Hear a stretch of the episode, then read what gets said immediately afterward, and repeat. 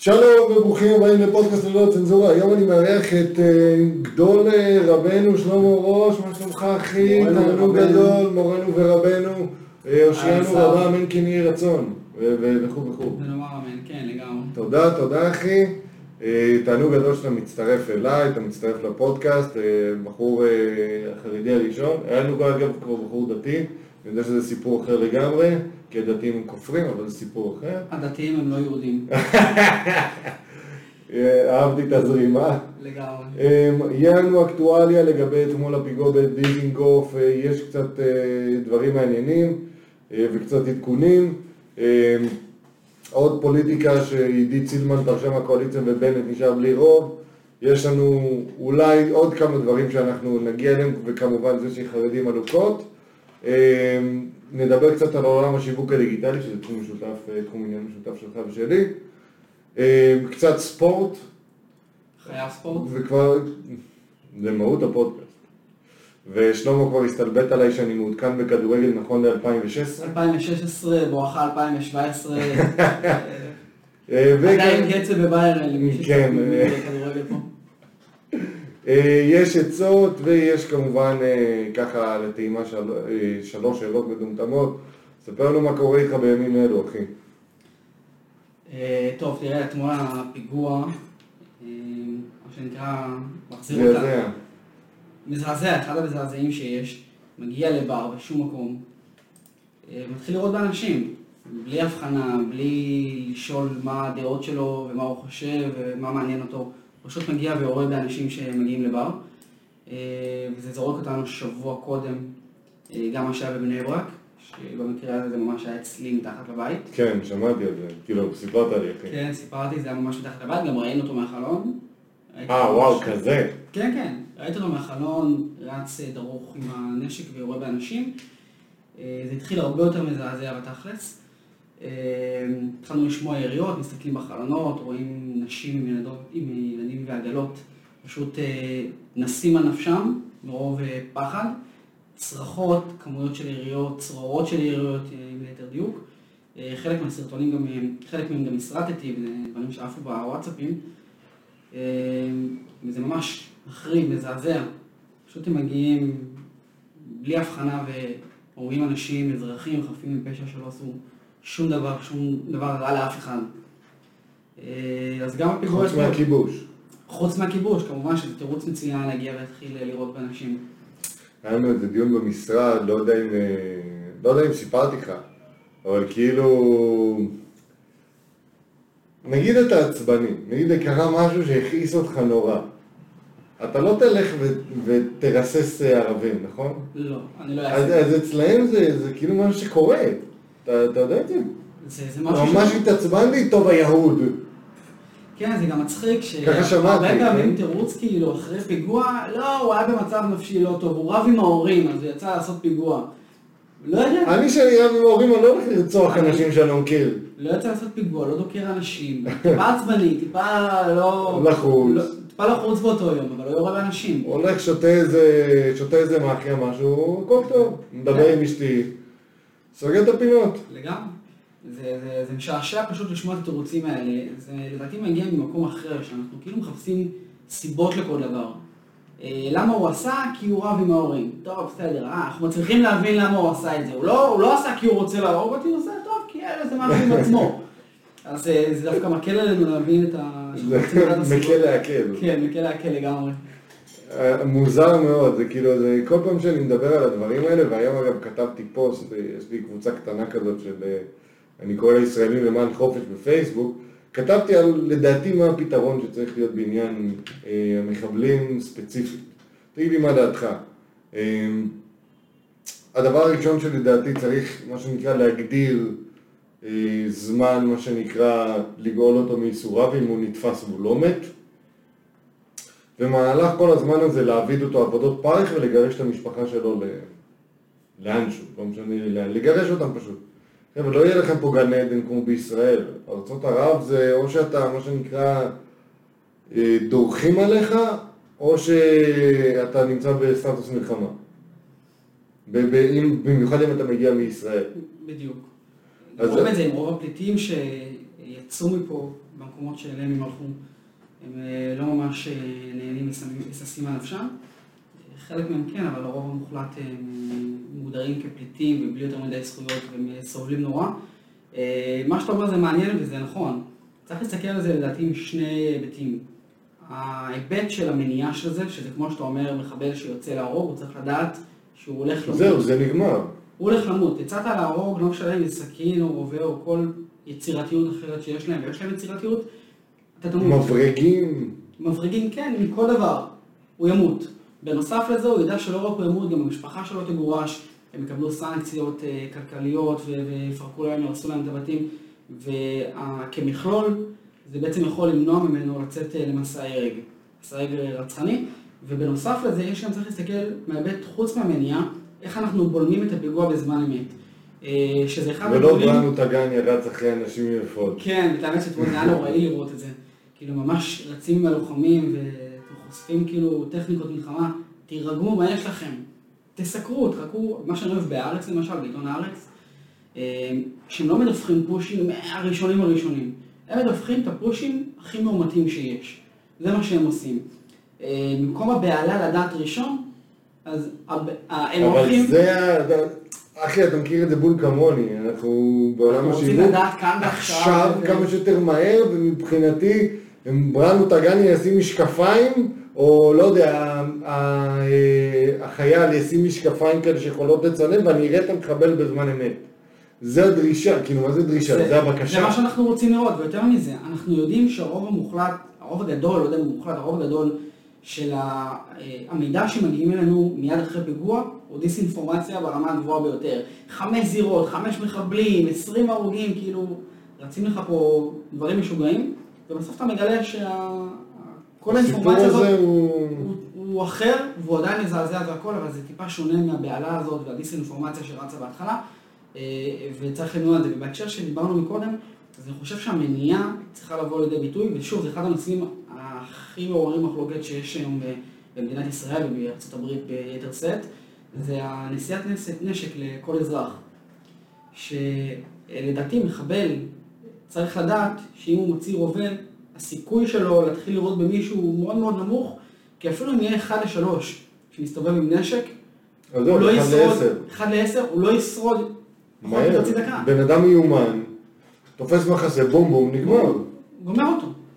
ואז קודם כל הוא ידע בעצם שהוא לא יצליח במסע הרגע הרצחני שלו. וב' הוא ידע שהוא ימצא את מותו, וג' הוא ידע שהמשפחה שלו תקבל סנקציות אה, מטורפות, ולדעתי כמכלול הדבר הזה כן יכול למנוע פה איזה משהו מסוים. הוא ימנע את הרוב. נכון. הוא ימנע את הרוב. ואגב, עוד משהו שאני לא יודע כמה אתה מכיר את הסיטואציה הזאת, אבל לפי מה שאני מכיר, אני, המחבלים ניתן להם מעמד פלילי, כאילו מישהו שביצע רצח, כביכול. עכשיו, עקב זה שהם מקבלים מעמד פלילי, הם לא יכולים לעמוד למשפט על מה שנקרא אה, פשעי מלחמה, או משהו בסגנון הזה, הם לא, אין להם שום סכנה שהם ימותו, הם נשארים בכלא, עושים תארים על חשבוננו, ואז בסופו של דבר הם חוזרים חזרה, ומקבלים משכורת. מקבלים משכורת גם. מעבר לזה, גם הזמן שהם בכלא, המשפחות שלהם מקבלות... אה, ואנחנו מאשרים את, ה, את הסיוע הזה. אנחנו מאשרים שזה קורה. אנחנו גם, איפשהו אנחנו מממנים את הרשות הפלסטינית. גם זה שאנחנו לוקחים הרבה מאוד כוח עבודה משם, וגם זה שאנחנו מאשרים הרבה מאוד כספים שעוברים לשם. נגמר, חבר'ה, להקפיא את כל מה שאפשר להקפיא, זהו. תראה, אם הם רוצים, אה, עד, לא מזמן, אה, אני אתן לך, אה, גלעד אלפר גם הציע שכל בן אדם שעבר הכשרה מקצועית בצבא יכול לשאת נשק, כי זה בוודאות, וגם מי שרוצה, בבקשה, הדלת פתוחה. את האמת שגלעד הוא אחד הקפיטליסטים הרדיקליים, ואני מת עליו. הוא באמת אה, בן אדם אה, הוא לא מספיק. מעניין. אה, העניין שלו שהוא צריך כאילו מישהו כמו פייגלין, שהכריזמה שלו פורצת החוצה, למרות השיגעונות של פייגלין, אפשר לקרוא לזה ככה, ואני לא הולך לקבל פה תביעות.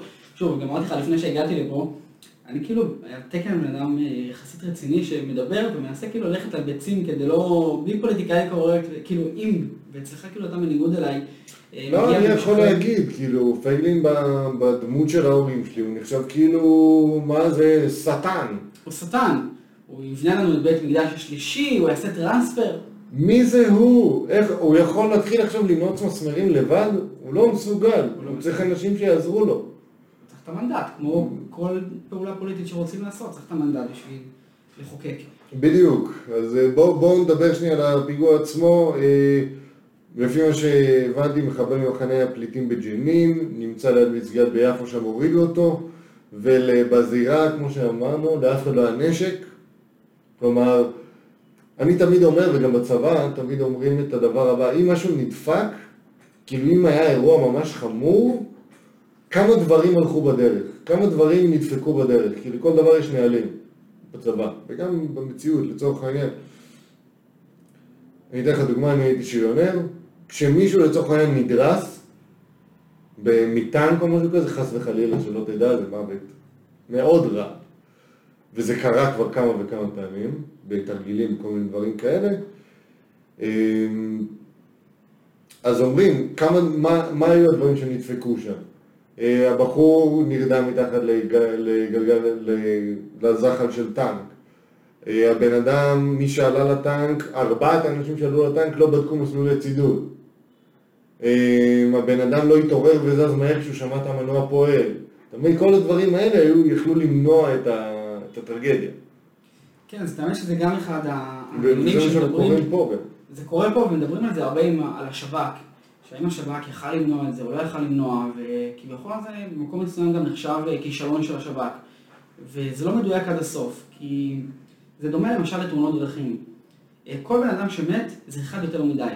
אז האם זה נחשב כישלון? כן, זה נחשב כישלון. אבל באופן אובייקטיבי צריך כאילו להסתכל גם האם חלה ירידה, האם באמת הצליחו למנוע יותר. גם השב"כ, לצורך העניין 100 יצאו למסע אה, רצח, מסע פיגוע רצחני. והשב"כ הצליח למנוע 99. הוא הצליח למנוע יפה, אבל עדיין אחד, וזה אחד יותר מדי.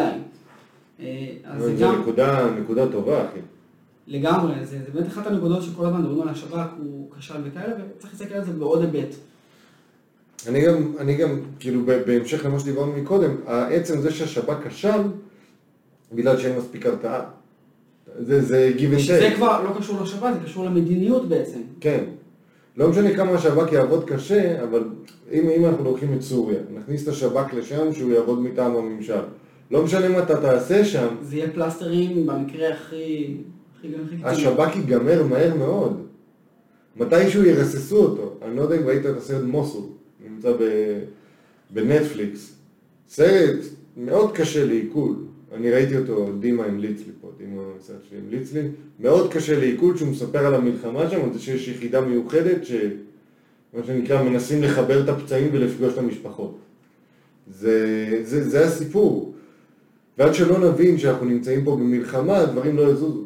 אנחנו נמצאים פה במלחמה, זה לא פושעים פליליים, זה לא מישהו שלצורך העניין, אה, אתה גנבת לי את החנייה, אז דקרתי אותה. אוקיי, שזה גם, עזוב אותך שזה זה, אבל זה לא פשע על רקע שנאה.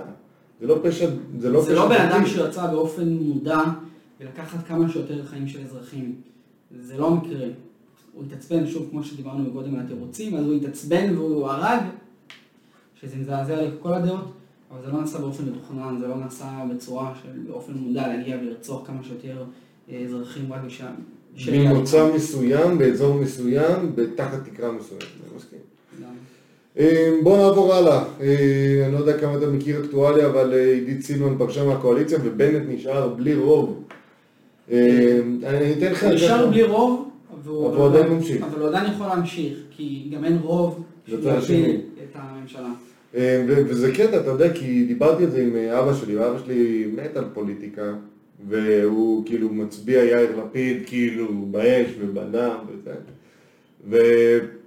הוא אמר את הדבר הבא, אם לצורך העניין הולכים לבחירות, מה שיקרה זה שאוטומטית יאיר לפיד יחליף את בנט כראש ממשלה חליפי עד הבחירות. נכון, זה לפי ההסכמים, במידה והם מפרקים את הממשלה הולכים לבחירות, אז לפיד יהיה ראש ממשלה, וזה גם קטע כי לפיד בעצם, בנט כרגע הולך לשבור את השיא של אהוד ברק כראש ממשלה לזמן הקצר ביותר, ולפיד בעצם ישבור את השיא, כל עוד זה לא יתפרק, כל עוד זה יתפרק. כן. במידה בהנחה אנחנו הולכים לבחירות, מדברים על בחירות כמה זמן הוא כבר ראש ממשלה? כמה חודשים? שנה? שמונה חודשים. אה, וואלה, אוקיי. וזה יהיה קטע, כי הוא בעצם, הוא שובר את השיא של עוד ברק, ולפיד ישבור את השיא שלו כראש ממשלה לזמן הקצר ביותר. נשמע מדהים. נשמע מרתק. נשמע מדהים. אה, אגב, אה, אני מוסר פה דש לחברה טובה, אה, יוליה קוטרמן. עידית סילמן היא אחותך שאת לא מכירה. כי הן דומות, אז אני אוקיי. צוחק עליך. אה, אז, אז בעניין הזה, אה, אה, יש לך, יש לך מה להרחיב, יש לך משהו לצורך העניין להגן על הממשלה הנוכחית או להכפיש, כמו שאנחנו אוהבים? תראה, הם התחילו עם הרבה כוונות טובות, שזה מדהים. היה פה כאילו בשורה, אה, כאילו בוא. ניתן צ'אנס. כן. בסדר, אה, ביבי, אתה פה 12 שנה. כן, גם בעולם. החרדי, כאילו אמרו... בעולם החרדי, בעולם החרדי אנחנו צריכים שנייה להפריד, וזה נושא שכדאי שגם ניגע בו בנפרד, כן, אנחנו ניגע בו בין בנפרד. מה שהציבור החרדי רוצה לבין מה שהפוליטיקאים אומרים שהוא רוצה. שזה שני דברים שונים. הציבור החרדי רוצה רמת חיים טובה, הוא רוצה לחיות, הוא רוצה ליהנות. הפוליטיקאים רוצים אותם חלשים וקטנים, כדי שהם ישלטו עליהם. מהמם. אם, הח... אם החרדים לצורך העניין היו בדומה לחילונים, שכל אחד מגיע עם דעה והוא חושב ומתאים, אז יהיה קשה לנהל אותם. אי אפשר לנהל אותם. הם צריכים אותם ממושמעים וחלשים. אצל אריה דרעי אנחנו רואים את זה בעוצמה, בווליום יותר גבוה. כן, שהוא גם חלשים, קטנים ומזרחיים. נכון. וספרדים. וספרדים בהגה אה, כן. החרדית. אה, ובנושא הזה בעצם, כאילו כשמדברים על, אה, על חרדים, אז תמיד צריך לעשות, לדעת לעשות את ההפרדה הזאת בין מה שהרצון של החרדים רוצים לעשות לבין מה שפוליטיקאים שלהם אומרים. אה, ואמרנו כאילו בוא ניתן לזה צ'אנס לממשלה הזאת. יש ממשלה חדשה, מחירי הדיור פה עולים ברמות מטורפות. מרקים, כאילו אינפלציה משוגעת, משוגעת. באמת. אין אין דרך. אחרת להגדיר את זה. כאילו אומרים לי שלפני שנתיים והיום דירות עולות 50-60 אחוז יותר. פה בהוד השרון אחי זה מטורף. אה, אני גם מניח שזה בבני ברק ככה. זה בכל הארץ. לא, אצל- אצלך שבאתי אליך וסיפרת לי על זה, הייתי כאילו, אמרתי וואו, וגם אז לקחתי את כל העיבוד שם, ואז אמרתי, משפחות חרדיות מולידות יותר ילדים כהכללה, נכון, ואז יש לך יותר בתים שאתה צריך לשכן בהם אנשים, נכון. ובמילא בני ברק עם כל הרכבת הקלה והעניינים ושיפוצים ובלאגנים, ו... אחד בונה על השני והכל דחוס שם בפנים, זה נראה ג'ונגל אחד גדול. אה, וחרדים גרים גם בדירות יותר קטנות מחילונים למרות שיש להם יותר ילדים. זה גם נתון שהוא מעניין. שוב, הס- הסגנון חיים והכל הוא שונה. וזו הפרדה מטורפת. ובממשלה החדשה אגב, אנחנו לא באמת רואים פה איזה בשורה. עוד פעם, המשיכו את ההגרלה, כאילו אתה מנסה לשנות שוק באמצעות הגרלה. שזה מדהים. מחירי הדיור, לך- אתה יודע מה הפתרונות? לפתוח את ה... לפתוח... לשחרר קרקעות, מה כן. שהקפיטליזם... זה, זה מה שעולה, זה מה שעולה לך כסף. החומרי בניין וכל הדברים האלה עולים כמעט אותו דבר. רואים את זה, למשל קרקע אז, אז, בירוחם. אז, אז מכולה עולה לך יותר, מבחינת, אה, לא יודע. מהשינוע. אבל זה, זה בטל בשישים לעומת מחירי הקרקעות שעולים ומאמירים. זה עובד. אה, כמכרז, מהמם. שבעצם מדינת ישראל מחליטה שהיא גוף אה, מסחרי, שבא להרוויח כסף. כן, כן, ואין בזה רע. אין בזה רע. אז, אה, כלומר, אתה עכשיו שם את עצמך בנעליים של אה, בנט, מה אתה עושה? לשחרר קרקעות, לבנות עוד אה, שלושה ערים חדשות, כמה שזה יעצבן, עיר ערבית, ששנים לא הוקמה פה עיר ערבית, והם גודלים, והם שני מיליון אזרחים, ואי אפשר להתעלם מהם.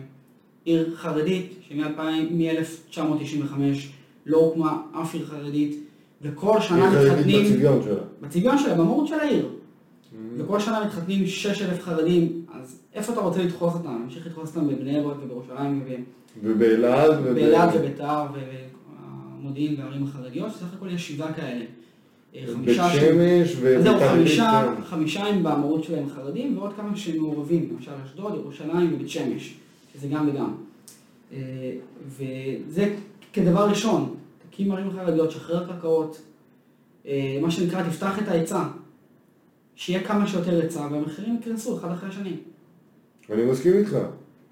אה, טוב, על אה, פידה קיוואן לא נדבר, כי... כי אנחנו לא יודעים גם מה הולך לקרות איתם. כן, אבל ואני אגיד לך עוד משהו, כאילו, יש, יש לי חבר, נק- נקרא לזה ככה, אני לא אפתח את שמו פה, שהיה פעם אה, עורך, אם אני לא טועה, במאקו. הוא אמר לי, תשמע, לא סתם אומרים אה, צעיר ערבי, כ- אה, לא, בלי ערבי, צעיר כבן צעיר. 21 עשה תאונת דרכים. כי ברגע שקולטים שהוא ערבי, כולם יוצאים מהכתבה. אתה יודע את זה? שמעת על זה? מדהים. אז אה, הוא סיפר לי את זה, וזה למה, זה למה הרטוריקה של צעיר אה, כבן 22, צעיר, צעירה כבת כך וכך אה, נפגעה מאלימות במשפחה, מה מסתבר? מגזר ערבי. אז אה, ערבייה ישראלית מחיפה עומדת לפני גזר דין מוות על סחר בסמים באמירויות, מה חשבת שהולך לקרות? כאילו, לדעתי רצים על זה. בדיחה שאם אה, ביבי עכשיו היה ראש ממשלה, הוא הולך לקחת אותה ממטוס. הוא היה הולך להוציא אותה כי הוא קודם כל פוזל לחברה הערבית לנסות להוציא משם קולות, ומבחינתו זה היה אחלה משהו לנופף איתו, ולהגיד הנה שחררתי ערבייה ישראלית, עכשיו תצביעו לי. רק. ביבי מסוגל לשחרר את אה, פידה קיואן. כן, אה, אז אנחנו לא נרחיב על זה יותר מדי, אבל אני מניח שהבנתם מה דעתנו בעניין הזה. אה, בואו נספר קצת אה, על התדמית של אה, חרדים, כי לא מתגייסים לצבא וכעלוקות. אני אספר לך משהו, אתה כבר בטח בנית איזה בית הגעתי. במעמד ביניים, אה, חילוני במהות שלו. חילונים, שני ההורים שלי, למרות שאימא שלי תימניה פולנים כאלה, כאילו... איך אני אגיד לך את זה? למדתי בבית ספר של... בהתחלה הוא היה קצת יותר, בכפר יונה קצת יותר מסורתי, ולאחר מכן בעמק חפר, ששם כאילו חזיר וכל מיני דברים כאלה, וכאילו באים לסופר, קונים חזיר בשביל לשבת ביום כיפור חזיר. סתם בשביל לדרוך לאנשים על יבלות. עושים בעלה, יום כיפור זה על האש, אתה יודע, כאילו סתם... לדעתי סתם מגעיל, אבל אה, יש תדמית אה, בעולם הזה של נקרא לזה ככה חילונים או מובהקים, כ... אה, כן, על חרדים כעלוקות, לא מתגייסים לצבא. אה, אני אישית מאמין במשהו אחר לגמרי, אבל אתה, כששאלתי אותך לפני הפודקאסט ואמרת לי, תשמע, אני מכיר את זה, זה כבר לא מרגש, אנחנו צוחקים על זה, זה כאילו זה משהו ידוע. זה לא רק שזה ידוע, צריך גם להסתכל על זה בכמה דברים. חרדים לא עובדים, שזה כל אחד שולף את זה על ימין ועל שמאל, וזה עובדתית לא נכון. אה, 78% מהנשים החרדיות עובדות. אה, 52% מהגברים החרדים עובדים. ואגב, אם נסתכל 20 שנה אחורה, זה עמד בקושי של 25%. זה אומר שהמגמה ממשיכה לעלות ולצמוח כל הזמן, וחרדים יוצאים לעבוד. אז נכון, יש את הגרעין הקשה, מה שנקרא את הארדקור, של האלה שהפינגווינים שהם אה, נותנים בראש. נכון, הם המשיכו וילמדו כל החיים שלהם, וזה מבורך, מי שאברך שהוא מסוגל מי שמסוגל, כן. וזה בסדר, אבל כהכללה שמסתכלים על המגזר החרדי, זה פשוט לא נכון עובדתית במספרים. וגם מדבר אפילו על ההתגייסות לצבא. אה, שזה נכון, החרדים בגדול לא מתגייסים, כי. אגב, אני בעד שלא יתגייסו. אני אגיד גם למה. לא צריך אותם. יותר מזה שלא צריך אותם, אני, ואני אשים בצד את הטענה של צבא מקצועי, צריך להיערך בצורה כזאת שזה לא משתלם. עלות אה, מול... עלות תועלת, כן. ת- תמשיך, הפרעתי לך. כן, ובנושא הזה כאילו צריך גם להסתכל שנייה על התרומה של המגזר החרדי לחברה הישראלית. שהתרומה היא מאוד גדולה ורואים את זה כל הזמן. אפילו אתמול בפיגוע, הראשונים שמגיעים זה אנשי איחוד הצלה. אה, אני יכול לספר לך זק"א, אפילו אה, עניינים סיפור, כאלה. כן, זק"א, כל הארגונים האלה, ארגוני החסד, התרומות, העזרה, ההירתמות, כשקורה משהו, ידידים, ארגון מטורף שהוא מבוסס. כן. המייסדים שלו הם חרדים, כן. אה, וזה מדהים, כי ההתגייסות שם, בעצם- החברה החרדית, המגזר החרדי ליתר דיוק, תורם הרבה לכלל החברה הישראלית בצורות אחרות שהן לא בהכרח רק התגייסות לצבא. כן, מדברים הרבה על שירות לאומי, או נגיד איזושהי חובת שירות לאומי. אתה... איזושהי חובה, ויותר מזה, ממשיכים את זה גם כל החיים שלהם. אם אני אספר לך סיפור אה, אישי, אצלנו בעצם שאשתי אה, הייתה לפני לידה, וזה היה ביום שישי, היינו צריכים אה, אמבולנס דחוף, SOS. אני יכול להגיד לך שזה ממש כניסת שבת, שזה הזמן כאילו הכי לא אידיאלי. ללדת, בואו ללדת אפשר בו, לקרוא לזה כן, זמן כי- אידיאלי. כי כן. כולם בהתארגנויות של שבת, כבר יוצאים לבית הכנסת, כאילו גם המתנדבים, שכן, אה, זה הם לא בהכרח סגנים הרגע. כן. ואני יכול להגיד לך שספר לנו משהו כמו 40 שניות, עד שהיו אצלנו שלושה מתנדבים שהגיעו לבית. 30 וואלה. שניות, 40 שניות, זה מטורף. כאילו מישהו מהבית מה- מהבניין. הם נמצאים בכל מקום, הם מגיעים ראשונים לכל אירוע. בפיגוע שהיה אצלנו מתחת אה, לבית, הראשונים שהגיעו זה איחוד הצלה, שהם חרדים. אז אפשר להסתכל על זה גם במבט של התרומה בזווית שונה. תרומה, כן, תרומה לקהילה בזווית שונה, אני איתך. אז כי אה, בעלוקות אני לא יכול להתווכח עם תחושות, אני תמיד אומר, אני עם תחושות לא מתווכח. אם אנחנו בעלוקות אז יכול להיות. אמ, אז אמרת, חרדים אה, גם עובדים, אמ, ו- התרומה שלהם במקום הגיוס היא נעשית בדרכים אחרות. אחרות, כן. כן. אוקיי, מע- מעניין מה שאתה אומר, כי... כלומר, אנחנו מכירים משהו אחר, כלומר, אני, אני עכשיו נכנס לזה ואני מוציא רגע את הנושא אחרי זה של זרמים שונים. אם אנחנו מתעסקים עם פוליטיקאים החרדים כמו שכבר התחלנו להתעסק בזה, כלומר, התדמית היא בדיוק הפוכה. כלומר, הם אומרים א', והעולם החרדי רוצה ב'. עכשיו, ממה שאני מכיר אותך, ואנחנו כבר מכירים עוד מעט שלוש שנים לדעתי, ואגב, עם ההיכרות הקודמת שלנו שהיא ככה, לא, לא שמנו לב אליה, מה שנקרא, שעבדנו ביחד באותה סוכנות פרסום אגב. לגמרי. ל- למה יש פער כזה גדול? למה תמיד הפוליטיקאים, החרדים במיוחד, אה, אופרטוניסטים וגם, תשמע, אי אפשר להתבטא, אי אפשר, אה, אריה דרעי, מה זה, שלוש פעמים שוחד? כאילו... לא נעים. כן, אז, אז אתה יכול להגיד לי שהוא ספרדי ואתה אשכנזי ועיניים כחולות, הכל טוב. אני אבל- אשכנזי, אבל אוקיי. אה, לא? אני רק נראה ככה, וזה משהו שפותח לי דלתות בחיים. וזה מדהים. אתה אומר white privilege, אם אתה. מכיר את המונח. זה, אני אסביר קצת על המונח, זה ידוע שכאילו ללבנים הכל נפתח בחיים. אה, אוקיי. אז זה מה שאמרתי, זה כאילו זה, פותח זה דלתות. פשוט ידוע בארצות הברית, כי נגיד הם אה, לא נותנים לשחורים כל מיני משרות, אבל אתה לבן, בבקשה, לך, בוא תהיה מנכ"ל. בדיוק. אז כן, אז אה, אצלי זה פותח הרבה דלתות, כאילו אני לא נראה מאיים, הוא לא מזרחי, הוא לא זה. לא נראה מאיים. הוא לא נראה מאיים, אני בכוונה מקצין את זה, כן. אתה זוכר את יאיר שעבד אצלי? זוכר. אז תמיד פונים אליו בערבית. די, נו באמת. כן. כי הוא, מדבר איתך, הוא מדבר איתך אשכנזית בטלפון, אבל אז אתה פוגש, אתה רואה, אחי, ערבי בן דת משה. שזה מצחיק, שהוא כאילו קוראים לו כן. יאיר בן משה. אה, אז, אז כאילו, זה היה מצחיק את הפער שבין מה שהוא מציג לבין מה שהוא מדבר איתך, לבין הפרונטלי. זה, זה היה קורע, אבל אתה אומר שכאילו, בעולם הזה, נקרא לזה ככה, להיות חרדי או חילוני, לא משנה, יותר עדיף להיות לבן. במקום מסוים, כן. לא, גם בתוך החרדים, אגב, בתוך אחד החסרונות, ויש חסרונות במגזר החרדי, יש דברים באמת ביקורת עצמית שהיא מבורכת וצריך לדבר עליה, אבל הנושא הזה בין אה, מזרחים לבין אה, אשכנזים, בוא נגיד ככה ליטאים ספרדים בעד החרדית, ויש שם גזענות. אה, זה קורה שלא מקבלים למשל אה, בנות ספרדיות לסמינרים אה, אשכנזים רק בשל היותם ספרדים. הדברים האלה עדיין קורים. כן, כאילו, יש את זה עדיין קורה, שאנשים באים, קורה. אומרים לך, בוא אני אשלם לך כסף, אני רוצה, לא, לא, אתה ספרדי סלש ליטאי. זה קורה? זה קורה? זה קורה, זה עדיין אנחנו עדיין, אנחנו עדיין פה? כן. וואלה, איזה מפתיע.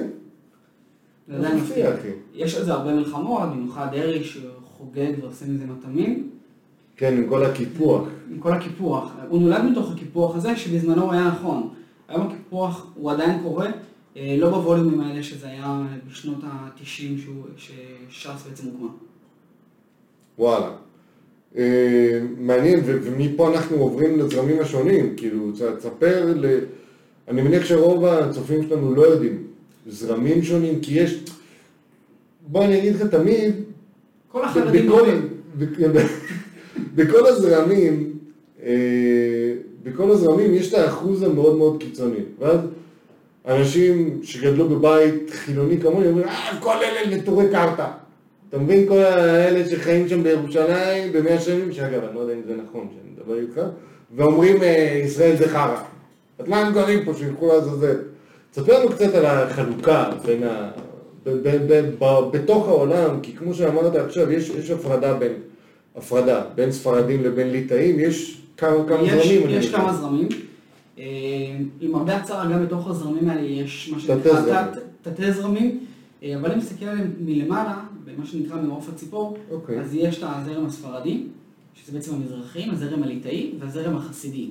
החסידי זה בעצם האלה עם הפאות והשטריימלים, שזה אחד, ובפנים, בתוכם, יש גם חסידי גור, חסידי וישניץ, יש, אה, כמו שאמרנו, עשרות אם לא מאות חסידויות שונות, שהן בתוך המסגרת הזאת של החסידים.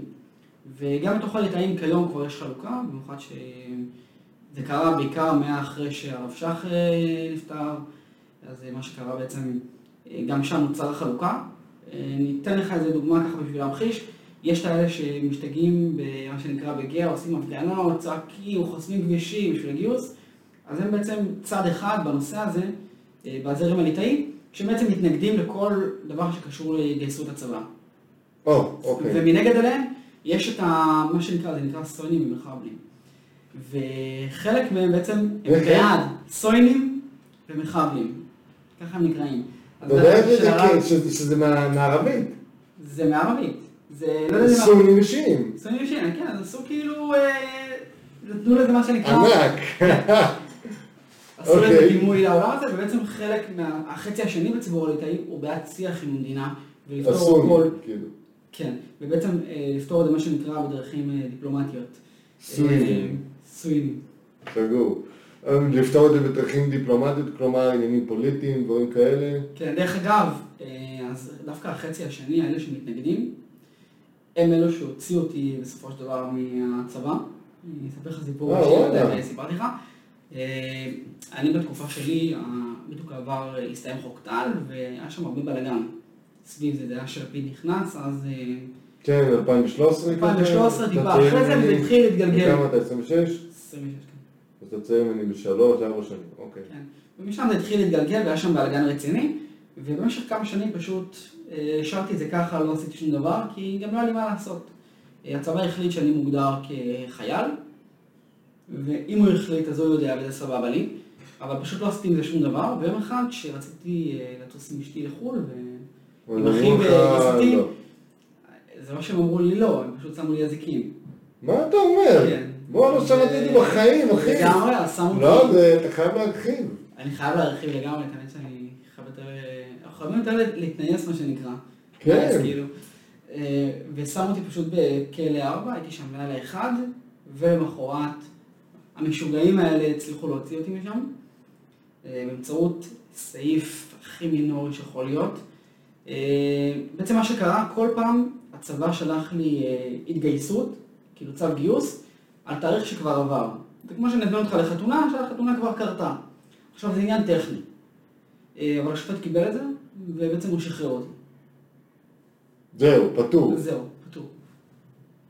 מה אתה אומר? כן, ובעצם הם, הם הביאו את העורכי דין, הם כאילו התגייסו שם עם אנשים, שלחו אליי אה, כל מה שהיה צריך שם. וזה- אתה יודע, זה מצחיק. למה? כי זה כאילו הכי, הכי יהודי טיפוסי בגלות. לגמרי. אני בא, אני מוצא איזה סעיף קטן ודופק אותך באמצעות אותך. הסעיף הזה כי אני צודק. בדיוק.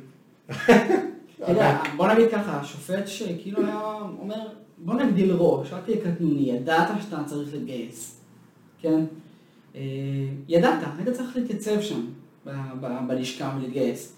אה, בסדר, היה לפני, אחרי, אבל ידעת. ולא, אבל הוא כנראה הבין את הסיטואציה, והבין שבכל מקרה, אולי הוא בצבא מקצועי, אני לא יודע. אבל... אה, אולי. בכל מקרה, לי זה עזר. אני יודע שכחילוני אולי זה קצת כואב לך לשמוע, אתה אומר, מה זה, אני עשיתי צבא, והוא מגיע, והוא עכשיו... לא, זה- רק לחילונים שהם אה, זה, תקוע להם משהו בתחת, סלח לי. אגב, אה, אה, אומרים בדרך כלל שדווקא, לצורך העניין, אלה שהיו בקרבי או קרוב לקרבי, הם כאילו פחות בעד הגיוס. דווקא כאילו אלה שמה שנקרא לא עשו כלום, תשמע, אתה... כמו לפיד למשל. אני- עכשיו אני מת על לפיד בדברים לפיד מסוימים. היה באיזה גלי צה"ל או בדובר צה"ל או משהו. אה, המחנה. כן, עכשיו, אצלי זה... אני פשוט לא חושב שזה מתאים לכל אחד. זה לא מתאים לכל אחד. והצבא היום לא יודע את זה. אנחנו רואים משם אנשים שיוצאים מהצבא מצולקים. זה לא מתאים לכל אחד הצבא הזה. וגם אני אומר לך ברמה האישית, שלמרות שכאילו איפשהו חינכו אותי לנסות הכי טוב שלך, ותשמע, קיבלתי זימונים לטיס וסיירות ומה שאתה רוצה, ועל המשקפיים שמולך נפלתי. די, נו. כן. למה זה מספר? זה לא מספר מספיק גבוה, אבל אה, אין לי ראיית עומק. כאילו הראיית עומק שלי היא בעייתית קצת, ונגיד תלת, תלת מימד בקולנוע מאוד קשה לי איתו. הוא ממש גורם למוח להתאמץ ואני... מה עם ה-VR? אתה מסתדר? עם ה-VR אני יותר מסתדר. אני יותר, יותר נוח לי, אבל תלת מימד אין סיכוי. אמ, אבל זה מעניין, אחי, זה... זה סיפור פצצה. בוא, אני ממש שמח שסיפרת. זה אייטם רציני.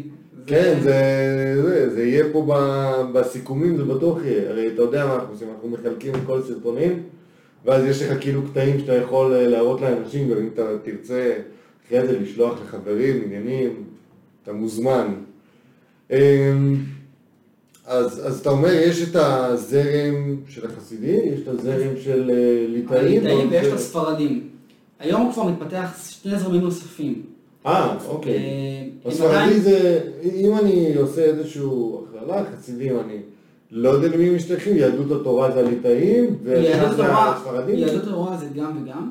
גם הליטאים וגם ו- החסידים. למשל ליצמן הוא מהחסידים והוא מייצג את חסידות גור. גפני מייצג את הליטאים. כל אחד מהם קיבל אה, שלושה, למרות שם זה כבר לא בדיוק, אה, יש טיפה יתרון אחד מהם על השני. לא, חשוב ש- הם עדיין ממשיכים עם הקו הזה. כאילו יש איזשהו שיתוף פעולה. יש שיתוף פעולה מלא כרגע, כן. אה, אוקיי. והיום בעצם צומחים גם שני זרמים חדשים. אחד זה הזרם, הזרם של הבעלי תשובה, שהם כבר מתחילים להתפתח, מתחילים לצמוח אה, קהילות משלהם, כאלה שחזרו בתשובה. אה, אוקיי. כן.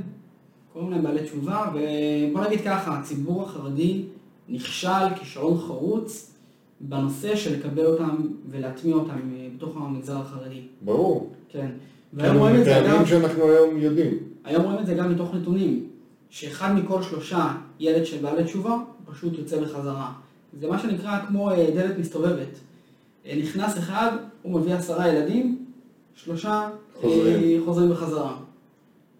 אוקיי. וזרם נוסף, וה- והאחוזים במשפחות הרגילות הוא נמוך יותר? כאילו במשפחות שכבר הגיעו מעולם החרדי. תראה, הציבור החרדי, המגזר החרדי, הוא מבוסס על כאלה שחזרו בעיקר בשנות ה-80 מהעליזות. אה, אז עם אה, אורי זוהר וכל מה שקרה אז, שהיה בעצם גל מאוד מאוד גדול, שגרם להרבה חילונים למצוא מה שנקרא את האור אה, במגזר החרדי. חלק גדול מהם לא הצליחו, ובעיקר הילדים שלהם הם אלו שיצאו בחזרה. בעצם מה שנקרא, יצאו בשאלה וחזרו בעצם לחילוניות. אה, וואלה, ו- אתה, אתה פה, אתה... אני שולט, אתה, אתה, אני אתה שולט ממש בנתונים. מחדד לי פה דברים שלא ידעתי, אחי, אני ממש מבסוט. לא היה לי מושג מכל מה שאתה אומר, אוקיי.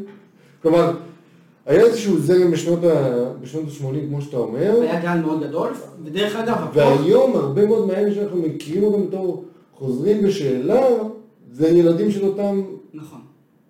וואלה, ולא דווקא, כאילו אין מגמה של חזרה בשאלה מתוך המגזר החרדי נגיד הקשה יותר, יש, זה במספרים מאוד מאוד מאוד נמוכים. וואלה. כיום האחוז של היציאה בעצם במגזר החרדי, הנטישה, היא עומדת על 9.3, אה, שזה מעט או הרבה, תלוי את מי שואלים, ברור. כן? ורובם המוחלט, 67% מאלה שנוטשים, הם בעצם ילדים או בעלי תשובה בעצמם. ילדים וואלה. בעלי תשובה בעצמם. אוקיי, אז אה, אחד מתוך 30 נגיד, גרוסו מודו, מהגרעין הקשה יוצא, ואחד מתוך, זה יוצא בערך 15, 16, 17, מתוך האלה שחזרו בתשובה משנות ה-80. זה הבדל. זה הבדל. וזרם נוסף אגב, שממשיך אה, לצמוח כרגע, אה, זה אני, זה נקרא החרדי החדש. אחי, זה...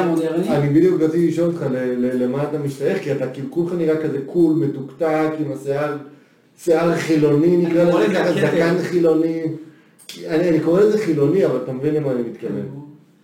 אז זהו, זה נקרא החרדי החדש, שכרגע הם לא מספיק גדולים בשביל לקרוא להם זרם, אבל הם מתפקדים בפני עצמם, ואם אפילו נסתכל על, ה... על עולם הדיגיטל, על האינסטורי והפייסבוק והכל, יש קהילות שלמות, יש משפיענים שיש להם 80-90 אלף אה, עוקבים באינסטגרם. חרדים, כן. חרדים שהמהות שלהם כולם שם חרדים, וזה קהל מאוד מאוד גדול היום. אם אנחנו תכף נדבר על זה גם, על חרדים בשיווק, אז נוכל לראות גם איך אפשר להשתמש בזה ולנצל את זה. אבל זה זרם חדש, הוא פעיל, והוא אומר לעצמו, נמאס לי להגדיר את עצמי מישהו מסוים, אני חרדי כי אני מאמין, כי אני מחובר ואני רוצה קהילתיות, אה, אבל אני לא רוצה גם לקחת את כל מה שנקרא, מה שדברים פחות טובים, שאני פחות מאמין בהם במגזר החרדי, ובעצם נוצר פה איזה, אה, מה שנקרא זרם חדש, בתוך, בתוך המגזר החרדי. זה, זה מדהים, כי אנחנו מכירים, ואני אומר לעצמי ש, שהתבניות החרדיות לא, לא מתאימות לך, ממה שאני מכיר אותך. כלומר, נגיד, אה, אני לא יודע אם יש חרדים מכל מיני חסידויות, הייתי נותן להם לדבר לצורך העניין עם אחת מהעובדות או עם אחת מהלקוחות, הם כאילו, הם אומרים לי... אני מתאים. לא, אני לא במיינסטרים. כן, זה, זה לא המיינסטרים. כאילו, בסקאלה הזאת בין השמרן למודרני, אז אני... במודרני. המודרני ואני נמצא שם. אה, זה בנושא הזה של הזרמים. בואנה, זה, אחי, זה, אני ממש שמח שבאת. כאילו זה מידע שעוד אני צריך אה, לתפוס אותו, אבל זה כאילו, עשית לי סדר. מגניב לגמרי, זה גם כל החלק הזה יעלה באופן ספציפי בערוץ היוטיוב שלנו. מעולה, ובוא נדבר על זה גם, אתה יודע, בצד השיווקי, בסוף, אה, שנינו אנשי שיווק. אה, כל אחד בהתמחות היותר שלו, אתה בעצם ההתמחות שלך טיפה יותר רחבה, אני יותר נישתי בעולם הזה, אבל זאת אומרת, אני עושה גם קידום וגם אסטרטגיה, ובנושא הזה של חרדים, צריך להסתכל על זה במבט שיווקי. יש פה מיליון 200 ארנקים, אוקיי? נקרא לזה ככה, מיליון 200 ארנקים במדינת ישראל. כן, אפילו... זה- אבל זה כולל את הילדים, גם הילדים הוא עונה. כולל הילדים, בלי הילדים זה עומד על חמ- על 570 אלף, שזה המון, זה מספרים מדהימים, ויותר מזה, החרדים הם צרכנים. תמיד אני אומר ללקוחות, כאילו, חרדים זה לא רק שטריימל בסידור תפילה. שנייה מהסרט הזה. הם קונים, הם מבלים. אגב, מבחינת קנייה, אחוז הקנייה של המגזר החרדי עומד על 15 אחוז. למרות שהציבור החרדי מתוך המכלול של מדינת ישראל, הוא פחות מזה. והחלק שלו הוא 12 אחוז. זה אומר שהחרדים צורכים יותר מהחלק שלהם באוכלוסייה. וזה מדהים, והם יוצאים לבילויים, ואנחנו רואים את זה היום שבמספרים, אין לי את הנתון הזה כאן. בשלוף. אין- אין- מעצורים. אין מעצורים, הם פשוט עושים הכל, הם קונים רכבים, הם הם מבלים, הם אה, הכל, הם צרכנים לכל דבר. עכשיו, אם אתה כעסק אה, גדול שרוצה עכשיו להרחיב מה שנקרא את האוקיינוס הכחול, אה, אז אתה לגמרי יכול למצוא את זה שם. אתה אמנם צריך לעשות את ההתאמות הנדרשות ולדבר בשפה של המגזר החרדי, ממש לדבר אליו, אה, אז כדאי בעצם לפנות אליו, ולא לאבד פה מיליון 200 ארנקים, וזה מדהים. אם יש מישהו שיודע לעשות את זה, אני. לדבר לאנשים בשפה שלהם. זה, זה, לגמרי. אבל זה מדהים. זה כאילו, הרבה פעמים אנשים פשוט אומרים, טוב, הם אה, לא לקוחות, או לא לקוחות." קבצנים, או דברים כאלה, ואני, ואני מכיר, יש כמה לקוחות לאשתי במכון יוביצ'ה שהן חרדיות. ווואלה, אתה רואה אותן מתוקתקות, מסודרות, צרכניות, באמת, ב-level הכי גבוה שיש. וברוך השם יש גם כסף. כן, זה, זה, זה, זה לגמרי קהל לכל דבר. בנושא הזה של הנשים החרדיות והטיפוח, יש איזו תובנה מאוד מעניינת שתמיד אפשר להשתמש בה, בכל נושא של יופי.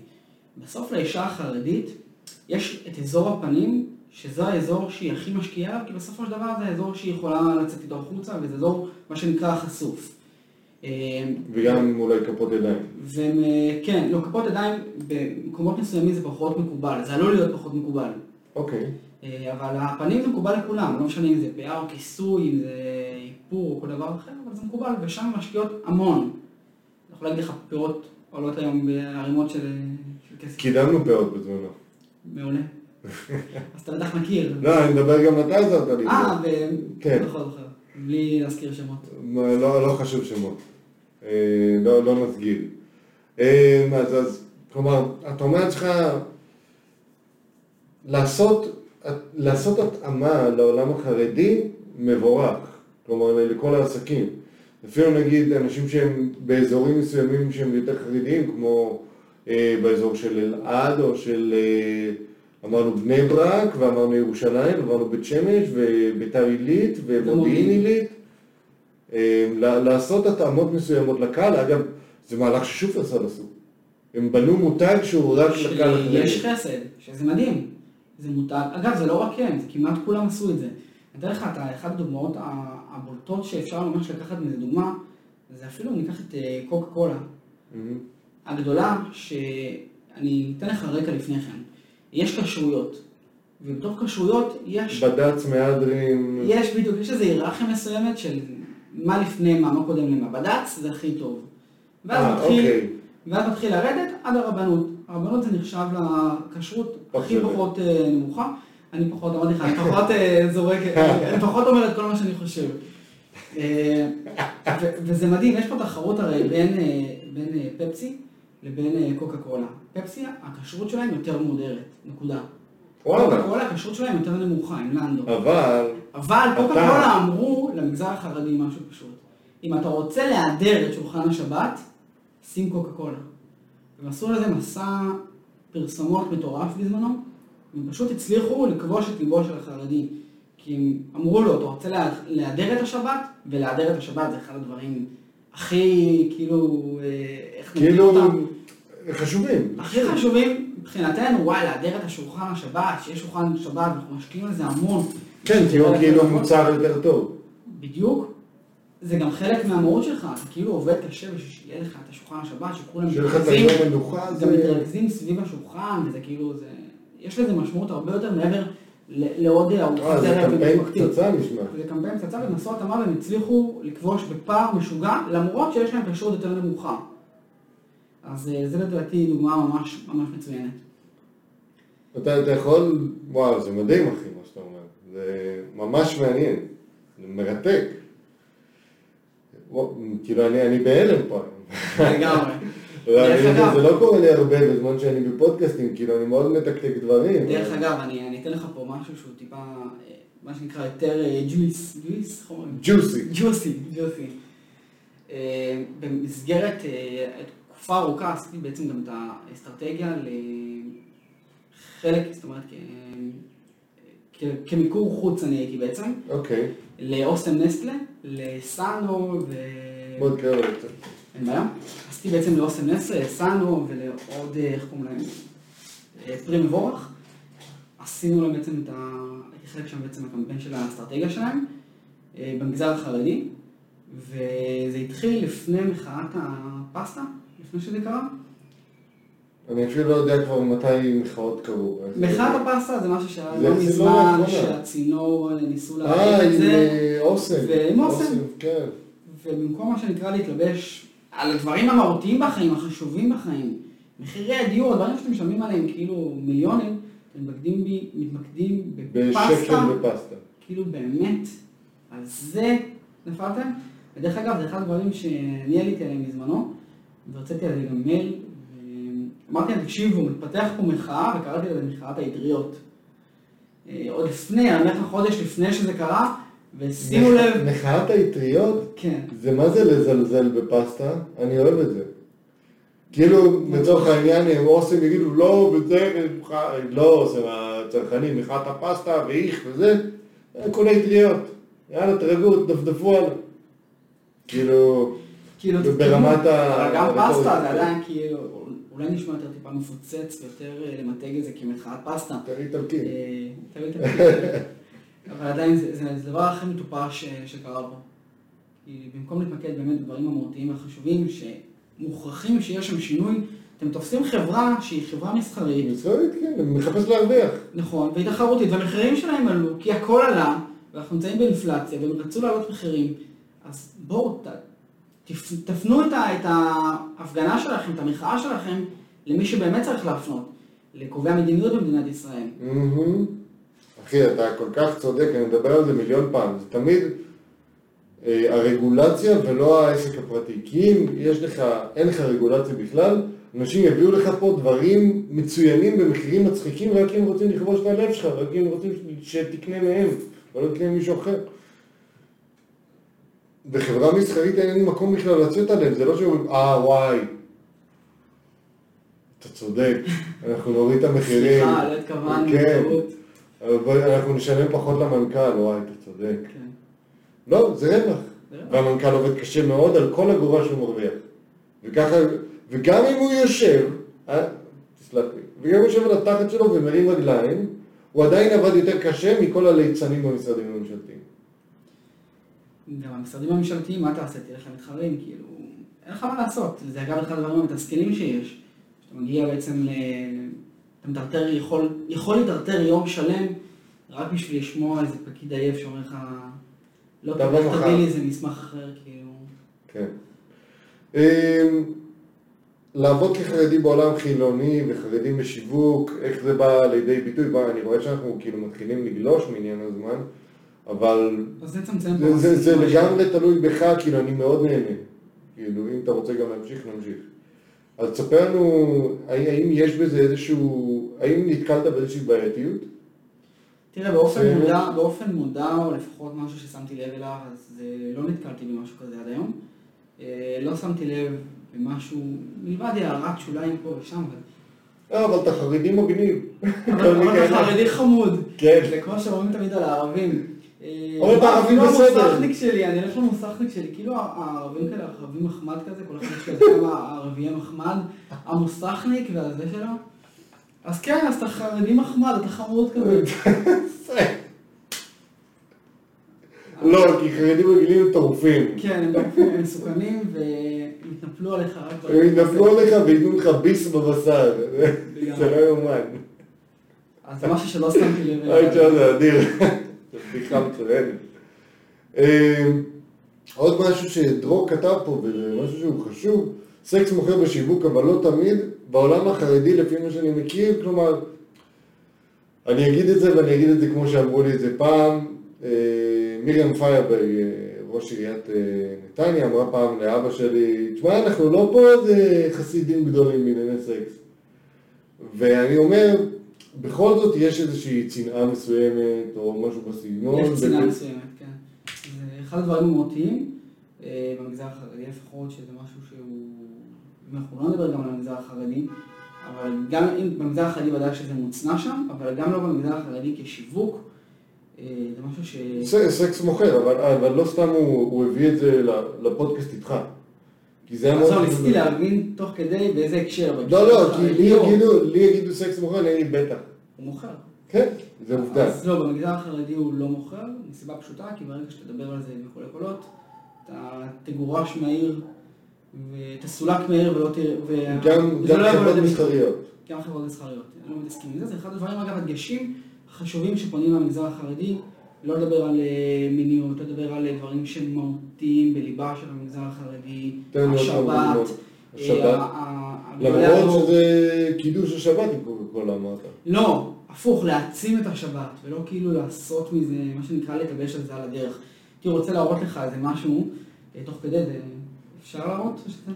מה אתה רוצה להראות? הייתי רוצה להראות, לא, זה משהו שצילמתי אותו, הייתי בשטיפת רכב ליד הבית שלי, וזה מקום, אתה יודע, כאילו, לא חרדי. תפתח שנייה, תפתח שנייה, ובוא נראה, אולי גם נראה לצופים שלנו. אולי נצליח גם להראות. איזה תמונה? זו תמונה כזאת שצילמתי אותה, ולדעתי בוא.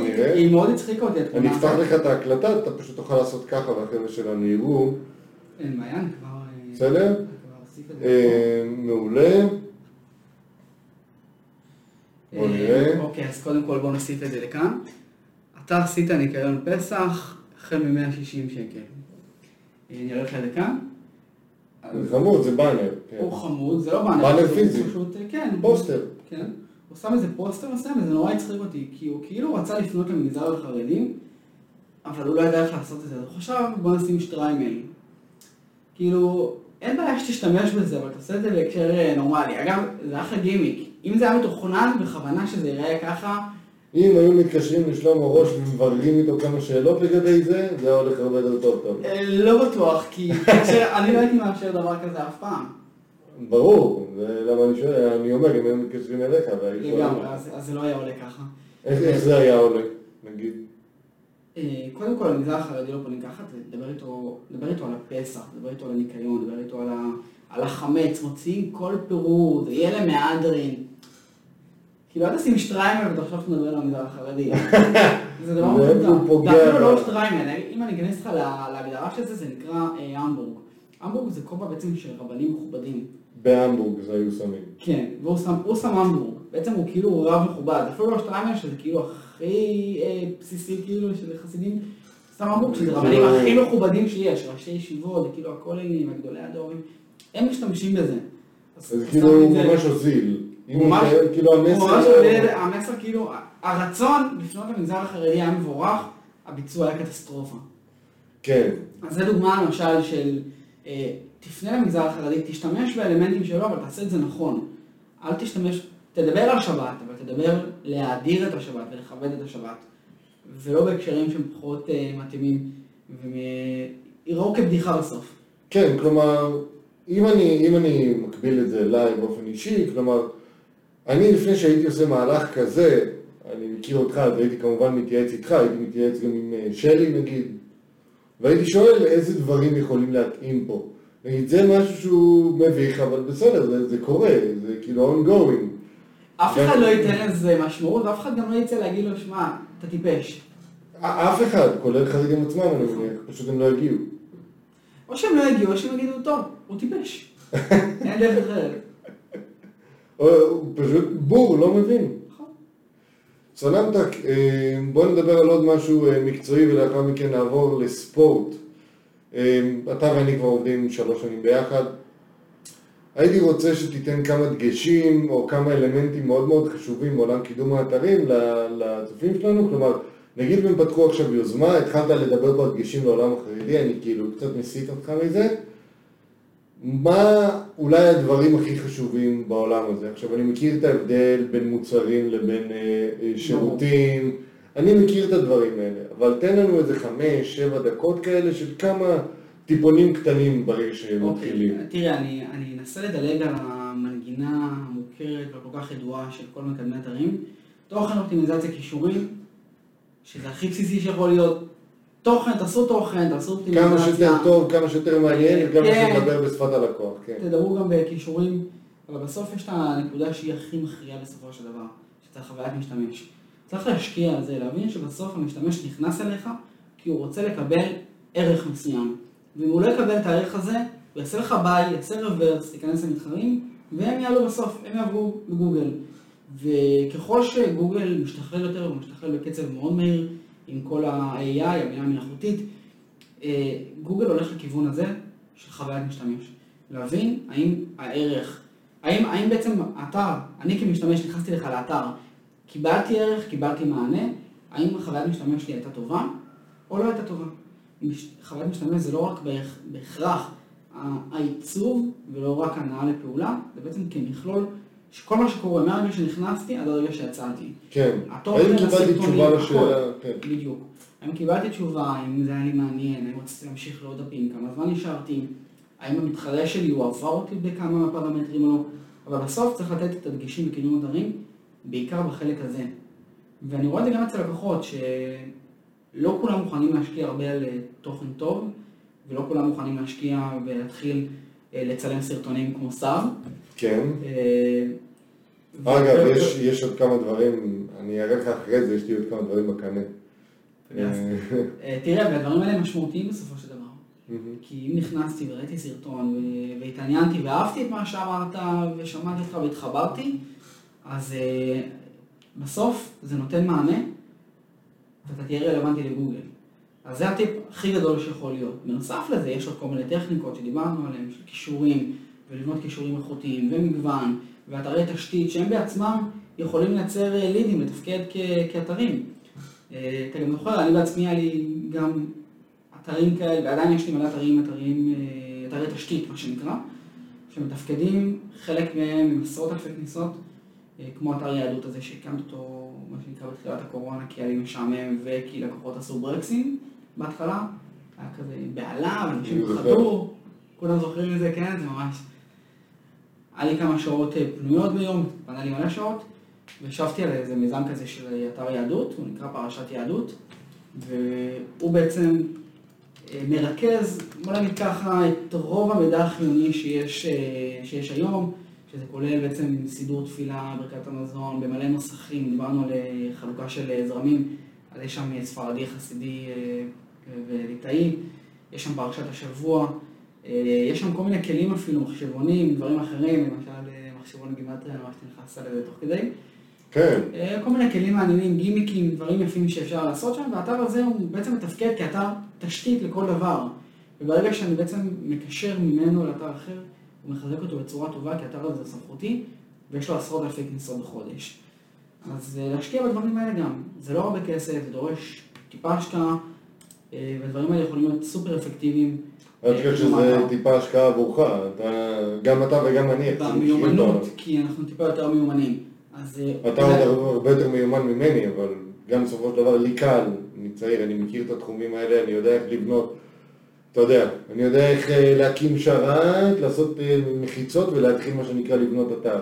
אבל בסופו של דבר זה לא הכי פשוט לאנשים פה, אבל... תראה, זה גם לא הכי פשוט לבנות חוויית משתמש, ולהתחיל לכתוב תוכן איכותי ולייצר סרטונים. וזה, דיברנו על זה שעות כבר, בזמנו.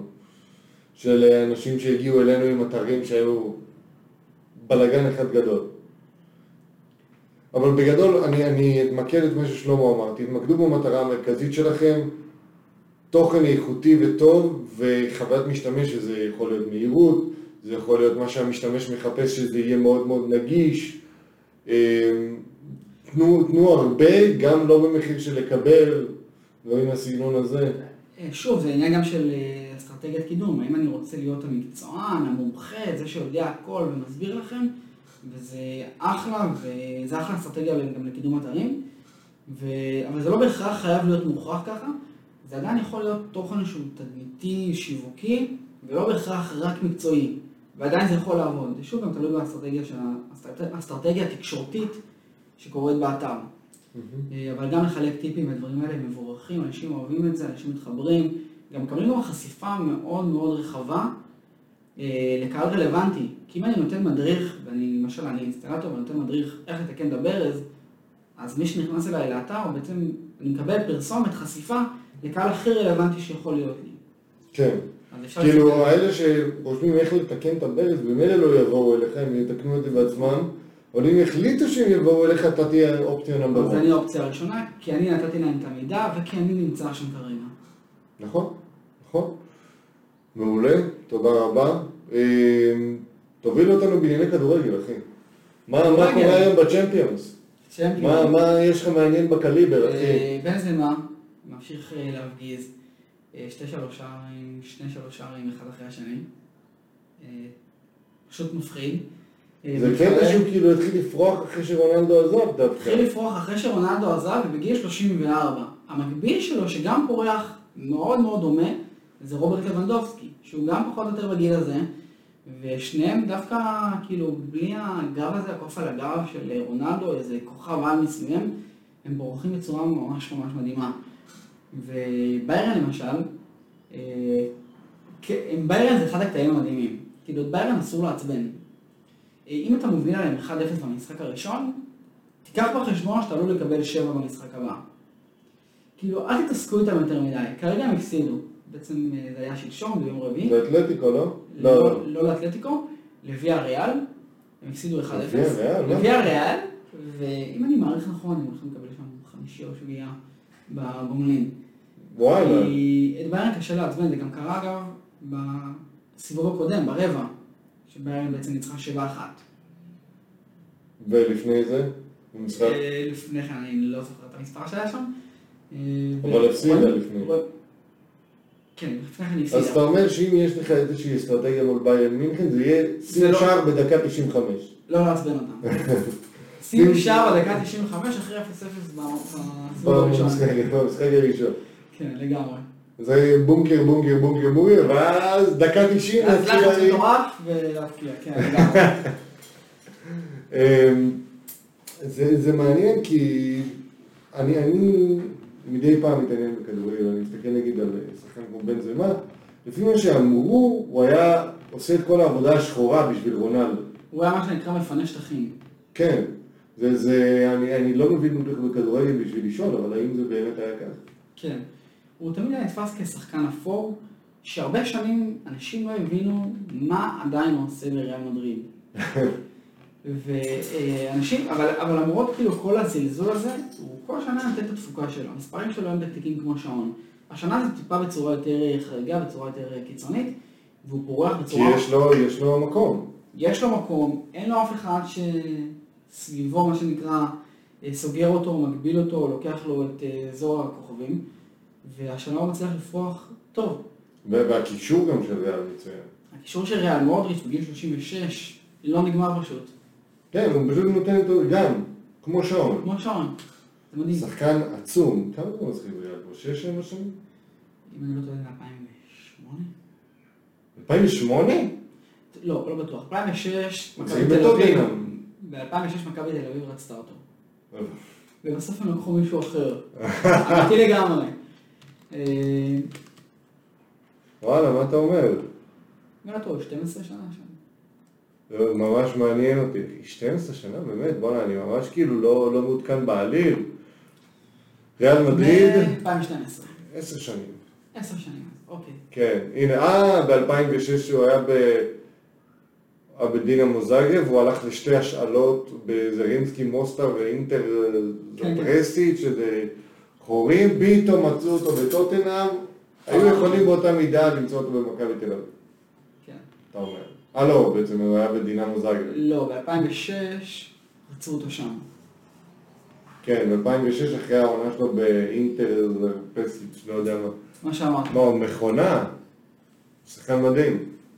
כן, לגמרי. אחד השחקנים המדהימים שיש. השנה כנראה, ככל הנראה, מי שיעלו לחצי זה אה, ביירן, סיטי, ריאל, ומי הקבוצה הרביעית? ליברפול? ליברפול כנראה.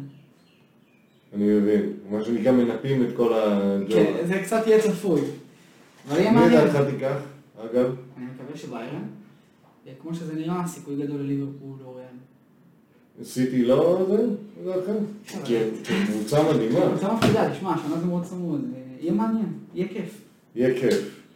אה, בוא נדבר על אה, דני אבדיה, משחק טוב, משחק טוב לקראת סוף העונה, בגדול ברגע שוושינגטון נגמר על מה לשחק, הוא משחק טוב.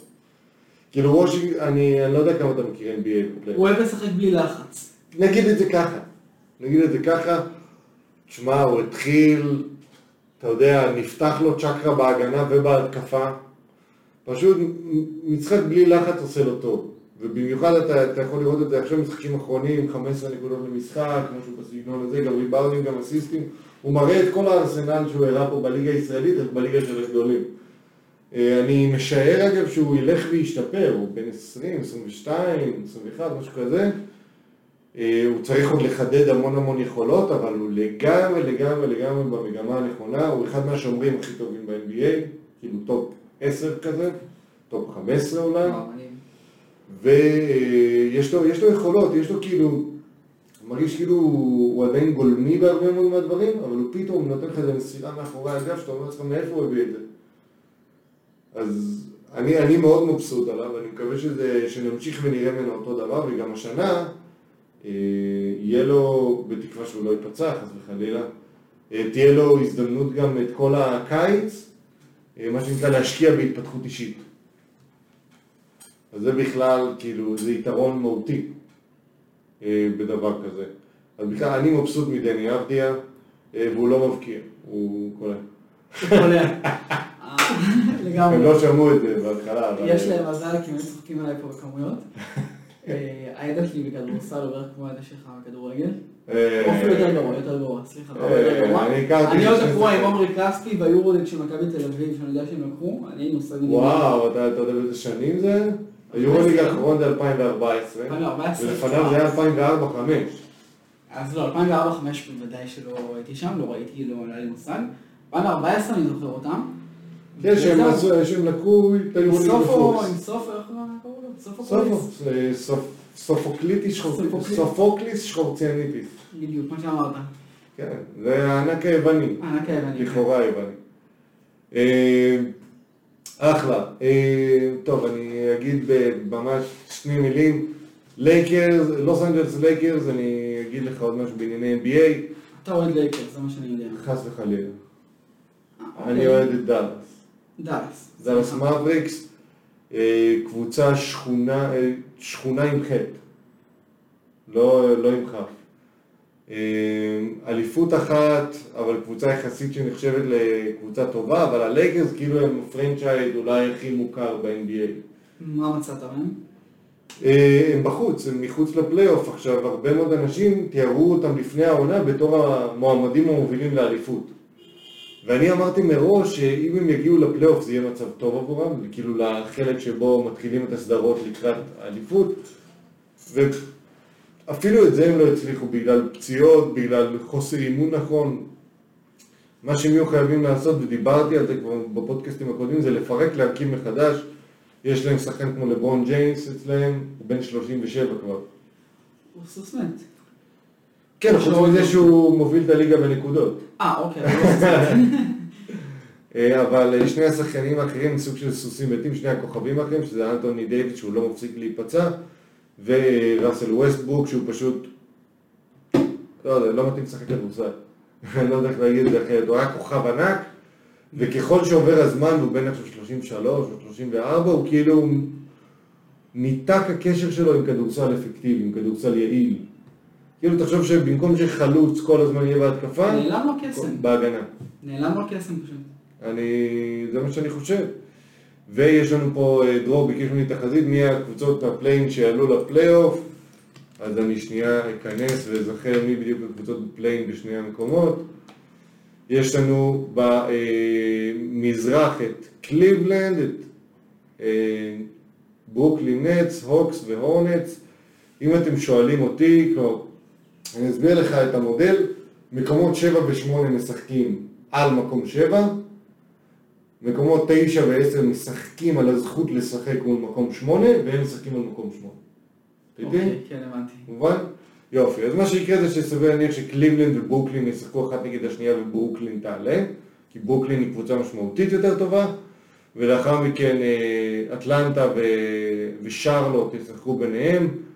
אני אישית מאוד מאוד מקווה לראות את שרלוט, הורנטס, אה, מנצחים, אבל לדעתי אטלנטה יותר טובים, ואטלנטה יעלו מהמקום השמיני גם, כאילו הם ינצחו גם את קליבלנד. אז במזרח זה יהיה ברוקלין מקום אה, שביעי, אטל... אה, אטלנטה מקום שמיני, סיכוי קטן להורנץ. זה מאוד מאוד תלוי ערב. ואז מה שקורה זה שנגיד מקום שבע נפגש עם מקום שתיים לסדרה של שבעה משחקים. זה מה שקורה ב-NBA. בקונפרנס המערבי אה, יש לנו את מינסוטה, לוס אנג'לס קליפרס, ניו אורלינס פליקנס והספיירס. אין לי מושג למה לצפות פה. אבל הלייקרס. אמרת לא יעלו.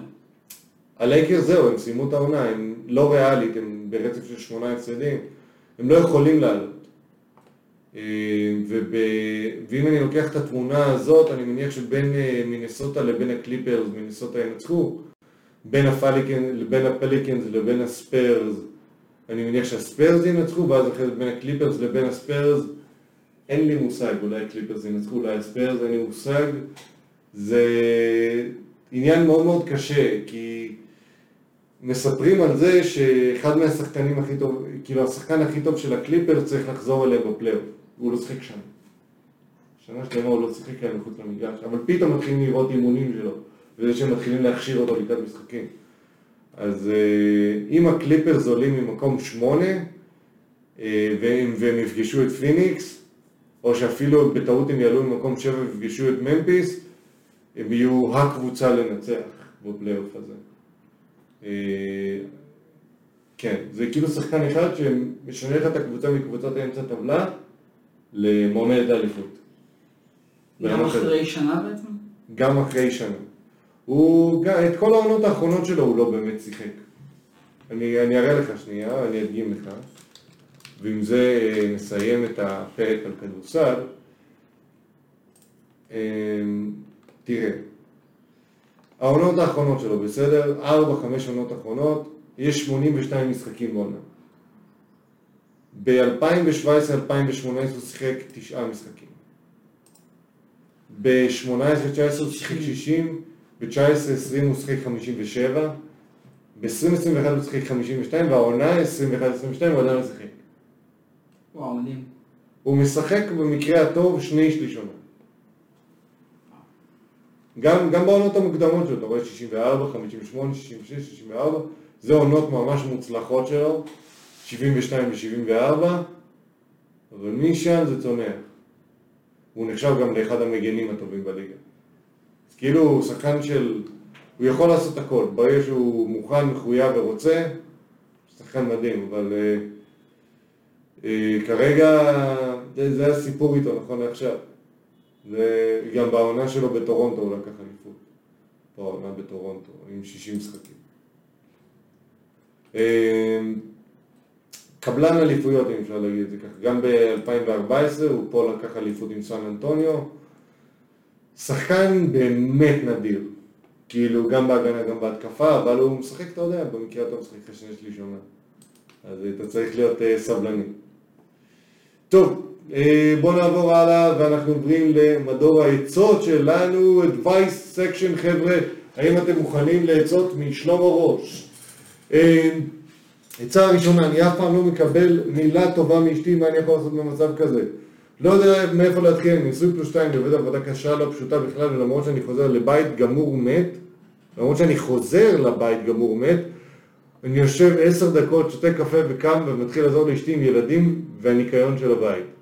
יש ימים כשאני בחופשה מהעבודה אז אני מנקה את כל הבית בשביל שאשתי לא תנקה בכלל ותחזור מהעבודה לנוח ומה... אלוהים ישמור, אני כאילו קשה לקרוא את זה. ותחזור מהעבודה לנוח ובבקרים הטובים אני גם מבשל לכל המשפחה, אפשר, אפשר לקרוא את זה ככה? מה שמפריע לי שהיא לא אומרת לי מילה טובה שאני גאה לך כל הכבוד וכל מיני, וכשאני מדבר איתה היא אומרת מה אתה מחכה שיגידו לך מילה טובה, אתה חי בבית וזה חלק מהעבודה שלך. אני אקבל את זה בצורה, לא בצורה טובה, זה מכניס אותי לדיכאון ומה עושים במצב כזה. מה אתה אומר אחי? אה, טוב, מה שמדהים בכל מה שקראת פה, שהמילה הכי בולטת. פה זה היה אני. עזוב את הפיסוק, אני... בוא ניגש לתוכן. המילה הכי בולטת פה זה היה אני ואני ואני. כן, אה, אחד, שתיים, שלוש, עושה control A, control F, control F, כן. ואני. אלוהים ישמור אותי מתוך, מה זה, 50 מילים, יש לך פה 1, 2, 3, 4, 5, 6, 7, 8, 9, 10, עשר פעמים אמרת מילה אני. 10 במשפט הקצר פעמים. אני, בתוך, אה, יודע מה, קח 80 מילים. עליי. כן. אה, מעבר לזה, יש מה שנקרא אה, פסוק שאומר כמים פנים אל פנים כן אה, לבנם, לא יודע אם זה משפט הנכון להשתמש בזה, אבל אה, בגדול אומר, תפרגן לאחרים, תפרגנו אליך. תפרגן, תפרגנו לך בחזרה. זה, אתה יודע, אני ממש, אני ממש אוהב את הגישה הזאת. זה מה שאמרת, אבל יכול להיות שהפרעתי לך באמצע? לא, לא, זה בסדר. אמ, אני, אני רואה דבר כזה, ויש פה, אתה לוקח את זה, נקרא לזה ככה, מאוד לעולם השיעורים, או, או פסוקים, או דברים כאלה. אני לוקח את זה מאוד לעולם המדיטציה, או תודעה, או אמונה אישית, ו- ואני לוקח, אני רואה דבר כזה, ואני נזכר היום שכאילו העליתי משהו בפני אשתי, והיא אמרה לי, בגדול, לך תחפש את החברים שלך, ולפעמים זה משהו ש... שאומרים לך. עכשיו, אני, אני התעצבנתי. אבל מהר מאוד הבנתי שכאילו, טוב, אז, אז היא לא תגיד מילה טובה, זה לא מי שהיא, אני צריך להגיד לעצמי מילים טובות. זה אני מה שמשנה, ולא משנה מה היא תגיד, היא יכולה גם לקלל אותי ולעצבן אותי ו- ולחבל לי בדברים. וטוב, לא נגיד שזה מה שהיא עושה, בסדר? אבל, אבל הנקודה היא שלא משנה, לא משנה מה היא עושה, אלא איך אני מתייחס לזה, ומה אני רואה, ומה אני בוחר להעצים ולהגדיל ולחשוב. ולפי מה שאני רואה כאן אצלך, כלומר, אתה בוחר לעשות את כל הדברים, אבל זה בתנאי. או בתנאי, אני אתן לך דוגמה יותר קיצונית לזה, כי להיפגע זה בעצם אה, בחירה. אנחנו בוחרים היום להיפגע ממישהו או לא להיפגע ממישהו. אה, הדוגמה הכי טובה לזה, ושוב אני לוקח, אני לוקח אותך לעולמות שלנו, אני זורם, אני אה, דווקא, אני מת על זה, אחי, באמת. אז בזמנו הרב עובדיה שהוא היה חי, הוא היה מחטיף כאפות לאנשים. היה מגיעים אליו, היה נותן סטירה, ראשי ממשלות, כולם קיבלו... סטירה של. אהבה. כן, סטירה. עכשיו, כשבן אדם מגיע אליך בפנים ברחוב, או ב- בפנים, סטירה. אה, אוקיי. כשבן אדם ברחוב נכון. מגיע אליך ונותן לך סטירה, אתה תיפגע ממנו. אנשים היו רוצים ללכת להר עובדיה רק בשביל לקבל ממנו את הסטירה. אתה אומר מיתוג. אני אומר, זה אותו דבר, המיתוג הוא נכון, אבל תראה איך אותה פעולה בדיוק, מצד אחד אתה תיפגע ממנה, מצד שני אתה תרצה אותה. אז זה אומר שבסופו של דבר אנחנו בוחרים האם להיפגע ממשהו מסוים או לא. כי גם אם פרגנו או לא פרגנו, אתה בסוף, או שאתה, כמו שאמרת, תפרגן לעצמך, תזמין לעצמך זר פרחים עם אה, הקדשה, תעשה משהו, תפרגן לעצמך, אה, או שתפרגן בחזרה לאחרים, ותראה שזה חוזר אליך. וואלה, נתת פה רעיון. אחי, תזמין לעצמך זר פרחים. זה פה זה אחד העצה. הרעיונות הטובים שיש. זה פה העצה, תזמין אה, אתן זר פרחים, תשאף ממנו כמה אוויר שאתה רוצה, תמלא אותו במים, ואם אתה רוצה מקום טוב לשים ממנו זר פרחים שנשאר לאורך זמן, יש לי. לגמרי, אגב, זה אחד ה... בלימודים בזמנו. אה, כאילו, בלימודי מה? אה, שיווק, לא, אה. בלימודי שיווק, כן. אוקיי. היה לנו איזה פרויקט מסוים של פרחים, ואחד הרעיונות שלנו בעצם לפריצת דרך אה, הייתה אה, למעשה להגיד להם, תעשו מינוי, להגיד ללקוחות, תעשו. מינוי, מנוי, מנוי, מנוי, תעשו מנוי קבוע על בסיס אה, שבועי, ואנחנו נכתוב לכם כל שבוע עזר פרחים. בעצם כאילו האסטרטגיה הייתה, בוא תפנק את עצמך, גם בצד הבריאותי בעצם לשלב את הזרים הבריאותיים שמוסיפים לך ניחוח ואווירה טובה לבית והכל, וגם בעצם כמתנה, כפינוק אישי. שאתה מפנק את עצמך, תעשה מנוי ואתה מקבל כל שבוע זר פרחים במגוון סגנונות עם הקדשה אישית. בעצם כאילו, משהו קטן לעצמך. כן, בדיוק. אבל אתה כאילו מפרגן לעצמך במילים אחרות. זה עבד?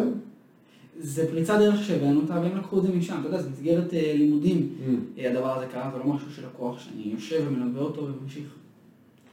אגב, זה, זה חלום. אתה יודע, לעשות טוב לאנשים בצורה הזאת, זה, זה זה, כיף. זה מדהים. כיף לא נורמלי.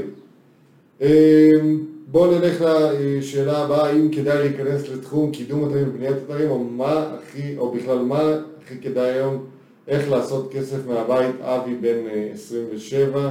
אלה כולם, לאחרונה אני מתחיל לחשוב על תחום קידום האתרים ובכלל עולם השיווק, האם יש מישהו, מישהי מאחד התחומים שיכול להמליץ לתחום מסוים להתמקצע בו?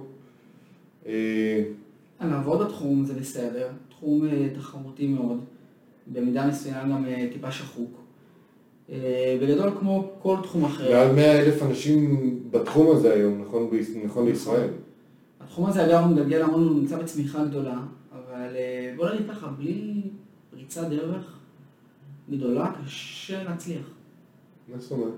בלי, אה, אתה יודע, להגיע, להגיד את מה שכולם אומרים, לעשות את מה שכולם עושים. שוב. זה, זה לגייס לקוחות וזה אחלה, אה, אבל עשיר לא יהיו מזה. קשה להיות עשירים מהתחום הזה. כן, בלי, בלי אסטרטגיה. כן, ותסלח לי שאני קוטע אותך. אני חושב שהיום, באמת, ברמה הכי נכונה לעשות, נכון להיום, קידום ובניית אתרים ושיווק דיגיטלי וכל זה, הדבר הראשון זה שאתה צריך זה ללכת למשרד פרסום, להתחשב שם שנתיים, שלוש טובות נגיד, אה, ואז לפתוח עסק שהוא לא בפרסום. אני מאוד מתחבר למה שאתה אומר. אה, ואז אתה מתחרה באנשים שהם חובבנים. ואז קל הרבה יותר למנף עסק כזה למשהו שהוא רווחי. אתה יכול לעשות המון כסף. כי אם המטרה היא כסף, ולא לימודים ופיתוח וייעוץ עסקי וראייה עסקית ודברים כאלה, אם זה כסף, תלמד ותנצל את זה למשהו אחר. אם זה כסף, תחפש תחום אחר. עזוב אותך. כן. כן. מי שלא אוהב את זה ולא זה, אין לו מה לעשות בתחום הזה. כן, אני מסכים איתך. מי שלא אוהב את זה ולא נכנס לזה ולא טכנולוגי ממש ולא מכיר את זה היום, התחום הזה מוצף. הוא מוצף, אני אגיד לך יותר מזה, במדינת ישראל היום אין חברות שהן חברות אה, קידום, לא שיווק, לא פרסום, חברות קידום שהן ענקיות. כאילו, אם יש שמונה, שמונה עשרה עובדים, זה נקרא כבר גדול. וזה כלום, כאילו עשרה עובדים זה קטן, כאילו, עם כל הכבוד. כן, אתה חושב כל הג'ניסיס, כל ג'נסיס זה? משרדי פרסום. שוב, בוא נפריד בין משרדי פרסום לחברות קידום. אה, אוקיי. חברות קידום, אין בישראל חברות שמצליחות. שוב, אבל לאוס זה לא משרד פרסום, נגיד, ויש להם עשרות עובדים. לאוס, אה, עשרות עובדים. או אנשים אחרות? אני לא יודע, שוב, אנחנו פה ללא צנזורה, אז אני אני קצת פה שלא יתבעו אותי. אני לא יודע, לדעתי, ככל שידוע לי, קודם כל חברה גם של פיתוח, אה, של אוקיי. בניית אתרים וכאלה. שוב, בוא ניקח רק חברות קידום. אה, קידום. אין חברות גדולות פה. נכון. זה לא משהו שיכול להצליח פה גם, ברמה, אתה יודע, מטורפת. כן, כי עצם השוק עצמו הוא קטן. השוק הוא קטן, יש 40 אלף ב... אני לא זוכר, הנתונים היחידים שיש... לא, אני מדבר על השוק קטן מבחינת, אה, מבחינת גודל האוכלוסייה גודל בשפה העברית. האוכלוסייה, זה מה שבאתי להגיד, כי, כי הנתונים העדכניים האחרונים שיש לנו על התחום הזה, זה רק מ-2012, ולך תשתמש בנתונים ב-2012, שהתחום השתנה כל כך הרבה מאז. אז אה, זה, זה מה שאני הייתי ממליץ. תפתח יוזמה עצמאית ואל תיכנס, אה, תיכנס לתחום הזה. בואו נעבור לחלק הבא, אה, וזה קורס שיווק דיגיטלי, כמה קשה להיות פרילנסר בתחום. בת 32, מי שלמד או מכיר, אם אתם נותנים קורס שיווק דיגיטלי, כמה קשה להיות פרילנסר בתחום, האם באמת יש בזה כסף טוב. עבדתי במהלך השנה וחצי הקרובות נולד לי ילד שלי והחלטתי לא לשלוח אותו למסגרת, לכן מבחינת זמן זו לא בעיה, תודה לעונים. טוב, אתה הולך להגיד לה שגם ילדים לוקחים זמן, או שהיא חיה בסרט? היא חייבת לדעת את זה. שהיא חיה בסרט. שהיא חיה קצת בסרט. אה, מבחינת מה אתם ממליצים על קורס שיווק דיגיטלי, אתה מומחה פה, אתה גם... אה, כן, אני... קשה להיות פרילנסר בתחום, כי זה המון, אה, נקרא לזה ככה... המון זמן, קצת כסף. כן, נקרא, אפילו לא המון זמן קצת כסף, אלא פשוט תחום, תחום שדורש הרבה מומחיות, ומעט מאוד אנשים מוכנים אפשר להיות מומחה. כפרילנס. אה, אני שוב, אני תמיד לוקח את זה לעולם ה-SEO, אני, אני מתקשה אה, לקחת את זה דווקא לעולמות של ה-PPC והכל, אבל אני רואה את זה אצלנו, שכאלה שעובדים כפרילנסרים, הם מקבלים פחות או יותר משהו כמו 40% מפרויקט, ו-100% זה הזמן.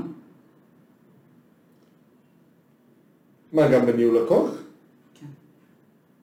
אני יודע את זה בוודאות. לא מ- משתלם בעליל. זה בדיוק מה שאני בא להגיד, זה, ואני יודע את זה מה- מהגדולים ביותר, ואני לא אזכיר פה שמות, שהם עושים את זה. לא משתלם בעליל. אה, האם אתה מציע קורס שיווק דיגיטלי? מה את רוצה? זה נראה כאילו, אם אני רואה את הדבר הזה, עד כמה קשה להיות פרילנסר בתחום, לא פשוט להיות פרילנסר בתחום. לא פשוט. כהשלמת הכנסה, כמשהו על הדרך, לא. גם לא, גם לא. זה המקצוע הכי גרוע להשלמת הכנסה לדעתי. יש מצב. כי אתה חייב להיות טוב. אתה יודע מה? לא טוב, סביר. אתה יודע איזה דברים, איזה סלט אני מקבל כל שני וחמישי מלקוחות שלי? זה לא הגיוני כאילו. זה דברים של, אה, אתה יודע, Business Manager בפייסבוק. אחי, רק ללמוד את כל הפונקציות שם, אתה צריך כמה שבועות טובים. כן, צריך לשבת על זה. כן, זה, זה לא הגיוני. אני לא ממליץ לך נשמה שלי, ואם את רוצה קורס, מקצוען לשיווק דיגיטלי ברופין, אני מרצה שם, את, את תהני מאוד, זה אני יכול להבטיח. לגבי להתקדם, זה מאוד מאוד תלוי בך ובתשוקה שלך. בוא נעבור למטרידן. מטרידן. נשים במקום העבודה מפיצות עליי שאני מטרידן, מה אני יכול לעשות? היי מייעצים יקרים, אני כבר זמן מה מוטרד, שזה מצחיק, שהוא מוטרד מזה שהוא מטרידן. ממה שהוא צריך לשתף, נראה טוב, אוכל טוב, שומע את זה, אני יודע שאני יכול להשיג כל אחת. אחי, זה אומר מישהו שהוא מטרידן. בשנה האחרונה התחלתי לה... התחלתי להתחיל עם נשים, אני ניגש בכי הגוף שלי בא לעצם מתישהו, ולאחרונה התחלתי עבודה במקום חדש, אז אני הרבה שם צריך להתחיל בעבודה כדי לפרוק קצת. מה אתה אחי, אתה מוזר? היו כמה נשים שאמרו לי לא ביפה, אבל כל שעה התלוננו למשאבי אנוש והפיצו שמועה שאני מטרידן. יכול להיות שהן מאוימות על ידיך. עד כדי כך שגם הגברים במשרד כבר לא רוצים לדבר איתי, שבוע שעבר זה הגיע לסין, ניסיתי להתחיל שיחה עם אחד שעובד איתי וראיתי שהוא מתפזר, שמתי לו יד על החזה להבין אם הוא איתי, והוא קפץ אחורה בהיסטריה ושואל מה נסגר ומה אני רוצה ממנו. הוא צודק, אתה לא שם יד על מישהו שאתה מכיר, לא אלא אם כן. אתה לא שם יד על מי שעובד איתך. אז לא יודע שרק רציתי לוודא שהוא מקשיב כי ראיתי שהוא מתפזר וזה, והוא נרגע קצת, והוא אמר שהכל טוב, אבל לא צריך לגעת, הוא צודק. אחרי שזה קרה, הבנתי שזה בגלל אנשים שמפיצות עלי שמועות, אז באתי לפקיד קבלה לשתף אותו מה שעובר עליי קצת, כי וואלה, חשבתי שאנחנו חברים, באמת שהייתה אחלה שיחה. בסוף באתי לשים לו יד על הבך, די לגעת באנשים! כי להגיד תודה להקשבה, וכאילו באותה צורה שהשני הגיב, ואז המציא שיש לו מלא עבודה ואין לו זמן, ואז שמעתי אותו מדבר עליי, זה אחת שהתחלתי איתה בזמנו. אחי, די לגעת באנשים! אתה יודע, הסדרת טעויות האלה פה מזכירה איזה בדיחה על אה, שר גדול, שיום אחד הגיע למלך מאחורה, נתן לו צ'פחה בתחת, צ'פחה רצינית, המלך הסתובב כולו בשוק. כאילו, אתה תגיע למלך, ניתן לו צ'פחה כזאת, והשר אומר לו, אני מתנצל אדוני המלך, חשבתי שזה המלכה. כמות הטעויות שהוא עשה פה קצת, אה, כאילו טעות אחרי טעות, והוא מחריף את המצב עוד יותר, כן, זה לא יאומן, זה לא יאומן, תוך כדי שאנחנו מדברים והוא ממשיך. והוא ממשיך. אתמול הבנתי שאני לא יכול להמשיך היום, החלטתי להעמיד את האנשים שמלכלכות עליי במקום, אמרתי להם שאני לא מוכן שמפיצות עליי, שאני מטרידן וזה חייב להיפסק אחרי שיחה קראו לי משאבי אנוש וקיבלתי מכתב שיבוע. נכון, אתה מטומטם, אתה חייב להפסיק להטריד. אני, שלמה פה חבר טוב שלי, וחוץ מחיבוק בהתחלה, אני לא אתחיל לגעת בו, תודה, אני אגיד לו תודה על ההקשבה. אתה צריך טיפול. אני באמת לא יודע מה לעשות עם זה, והאם לקחת עורך דין, לא, וכדי לתבוע על משהו שהם עשו לי, לא, אתה עושה את זה לעצמך. אתה מטריד את כולם במשרד, אחי. אני מבין שיש היום את הפמיניזם, כל הבולשיט הזה, אבל יש גבול למה שאפשר לעשות לגבר, צריך שתעזרו לי קצת לסדר את המחשבות לפני שאני עושה את הצעד הבא. קודם כל תרשום לא את המחשבות לפני שאני עושה את הצעד, אולי תרשום את המחשבות לפני שאני עושה את הצעד הבא, ואז נוכל גם לחשוב שאולי אתה בן אדם נורמלי ולא מטרידן. כן. אמ, אחי, אין לי מה להגיד, הבן אדם פה כאילו... תפסיק לגעת באנשים כדבר ראשון, דבר שני, אם זה משהו שהוא ממש, אה, אתה לא שולט והולך לטיפול. ודבר שלישי, תפסיק להתחיל עם אנשים- נשים במקום העבודה. זה לא לגיטימי. זה לא לגיטימי, זה לא נעים, ו... כאילו תחשוב שמחר בבוקר זה כמו שתתחיל עם מישהי שאתה יושב לידה באוטובוס או במעלית. אין לה דרך לצאת מזה, היא צריכה לראות את הפנים שלך כל יום, אלא אם כן היא רוצה להתפטר. זה, אחי, תתחיל עם נשים או עם אנשים מחוץ למקום העבודה, בוא. ברגע שזה לא נהפך, מסגרות, בקיצור. כן, ברגע שזה נהפך לתוך מקום העבודה, don't do it. אה, וואי, זה קטע, זה כאילו הבן אדם, אנשים מתלוננות עליי שאני מטריד- מטרידן, ואני מטרידן ומטרידן ומטרידן ומטרידן, ואני צריך להעמיד אותם במקום. אז די, די לגעת באנשים. אה, טוב, שאלות מטומטמות, stupid question section. טוב, לשבת מקדימה מאחור בבית כנסת. מה המושב האידיאלי? בוא תספר לנו, אחי. טוב, זה עניין של סדר עדיפויות, זו שאלה טיפה מצחיקה. אה, ברור, שאלה מבורות, כאילו. תראה, עם עם בורות, כן. תראה, בגדול, מה שנקרא, זה כמו באוטובוס.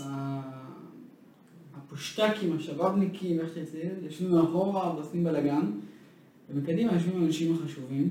שהם אה, מרוכזים ומעניין אותם. כן, והם רוצים להיות קרוב לרב וקרוב לספר תורה, תלוי גם במיקום בבית הכנסת. זה גם מאוד משתנה. גם תלוי אם זה מזרח, מזרח זה בעצם אומר שאני יושב והקהל עם הפנים אליי. כאילו אני יושב אה, פנים מול פנים מולם. אז זה גם תלוי, אז ככל שאתה יושב במזרח, אתה איש חשוב יותר. ואגב, זה אחד הדברים המצחיקים, יש הרבה רבנים שמנסים לקדם את עצמם כרבנים חשובים. אז כשיש כנסים של כל גדולי הדור, אז רואים אותם מנסים בכוח להידחף ולהיות הכי קרובים אה, לגדולי הדור, ולתפוס איזה שולחן במזרח. עד שבאיזשהו שלב הבינו שכדי לפתור את המלחמה הזאת, עשו שולחנות עגולים. ואז כולם במזרח. אז אה, כולם מכובדים, כולם בסדר. זה בעיה, פתרון יהודי לבעיה יהודית. מדהים בעיניי. ואם אתם שואלים אותי, אני כמובן מאחורה, כי אני מהפושטקים. גם אני אגב מעדיף אה, בעיקר אה, את המושבים האחוריים, הם הרבה יותר נוחים. וואלה, כהכללה בבתי כנסת המושבים האחוריים יותר נוחים. הכללה בבתי כנסת, בהרצאות, בכנסים, בכל מקום. וים אתה יכול ללכת בלי שהרבה, בלי לעשות דרמה. אתה יכול לצאת עם פשוט. נעלם, אולי זו הסיבה המרכזית. אתה מתאדה תוך כדי ואף אחד לא שם לב. עדיף ללכת מכות עם 100 סוסים בגודל של ברווז או עם ברווז אחד בגודל של סוס? עם 100 סוסים בגודל של ברווז. אה, ברור. עם 100 סוסים בגודל של ברווז, אחד אחד משביא. למרות שאם כולם מתנפלים עליך, אז אין לך סיכוי. מצד שני, גם עם לא, ברווז אחד... רגע, אבל יש כמה ברווזים. בואו נבדוק שנייה ברווז, מה הגודל הסטנדרטי של ברווז. זה משהו חשוב למקרה הזה. אוקיי, הם לא כאלה, מה לארץ כאלה? הם די קטנים. הם די קטנים, אבל 100 כאלה, כן, זה בעיה.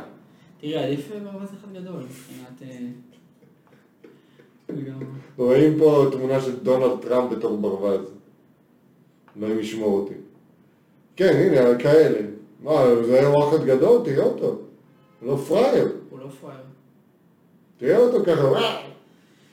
עדיף אחד גדול. עדיף אחד גדול בגודל של סוס, ברווז בגודל של סוס. ברווז בגודל של סוס, תתמודד. הוא נותן לך סטירה אחת עם הכנף, אתה מת, אחי. ומאה שמתנפלים עליך ככה, מה אתה עושה? בורח. הם מכסים אותך. אז תברח גם מהסוס הגדול, מה אתה... לא, אבל זה 100 סוסים בגודל של ברווז. הם לא יהיו כאלה מהירים. יהיו קטנים. אתה יכול לברוח, לתת מה שנקרא הפרד ומשול. אני הייתי הולך על הברווז הגדול. וואלה. אוקיי, טוב. עוד שאלה אחרונה, ועם זה אנחנו מסיימים. אה, אם יש לך בחירה, האם אתה שומר על הברכיים או על המרפקים שלך? הייתי שומר על המרפקים. אני יודע למה גם. כי אתה בן אדם שעובד עם מחשב. בדיוק. אנחנו גם אנשים שעובדים בעיקר עם המחשב והמוח ופחות מהלכים. בוא נגיד שלרגליים יש פתרונות. אה, לידיים אין הרבה פתרונות. לרגליים אתה, אמרתי לך, אתה נהיה כלב. אתה נהיה כלב, אבל יש פתרונות, יש, אתה יודע, את כל הידיים, מה אתה עושה? מה, כאילו תמיד יהיה לי ככה. כן. לא יודע. לא יודע. תוריד את הברכיים. סלמתק. אז אה, לכן אני רוצה פה להודות תודה ענקית לשלמה ראש! אחי, שמחתי מאוד לארח אותך, תענוג גדול. היה כיף לא נורמלי, אני מניח שכל הגולשים שלנו השכילו. אה, אני מודה לך מאוד, היה כיף גדול. אה. לכל הגולשים שלנו, תנו לנו לייק, תנו לנו תגובה, תנו לנו שיתוף, תנו לנו subscribe, שזה משהו ששכחתי להגיד בתחילת הפודקאסט עם שלמה, אז אתם תסבלו מזה שאני אומר את זה עכשיו. אה, מלבד זאת, רוצים לשלוח עצה, אה, advice to the no censorship, censorship.com ואם אתם רוצים לשלוח איזושהי הצעה, info to the no censorship, censorship.com לגבי כל, אה, כל המדיה שאנחנו מופיעים בהם, פייסבוק, יוטיוב, אינסטגרם, אה, ספוטיפיי, גוגל פודקאסט, אפל פודקאסט, אה, וזה מה שאני זוכר בעל פה. יכול להיות שיש לנו עוד איזה פלטפורמה או שתיים שלא דיברתי עליה. אני מאוד מאוד מודה לכם, מאחל לכם קודם כל שבת שלום. שבת שלום. אה, ודבר שני, אה, אה, תירשמו לפודקאסטים שלנו אה, וחג שמח. אני כנראה, אני וגם סביר להניח ששלמה לא נהיה איתכם בשבוע הבא, כאילו אני דרור מארח בשבוע הבא.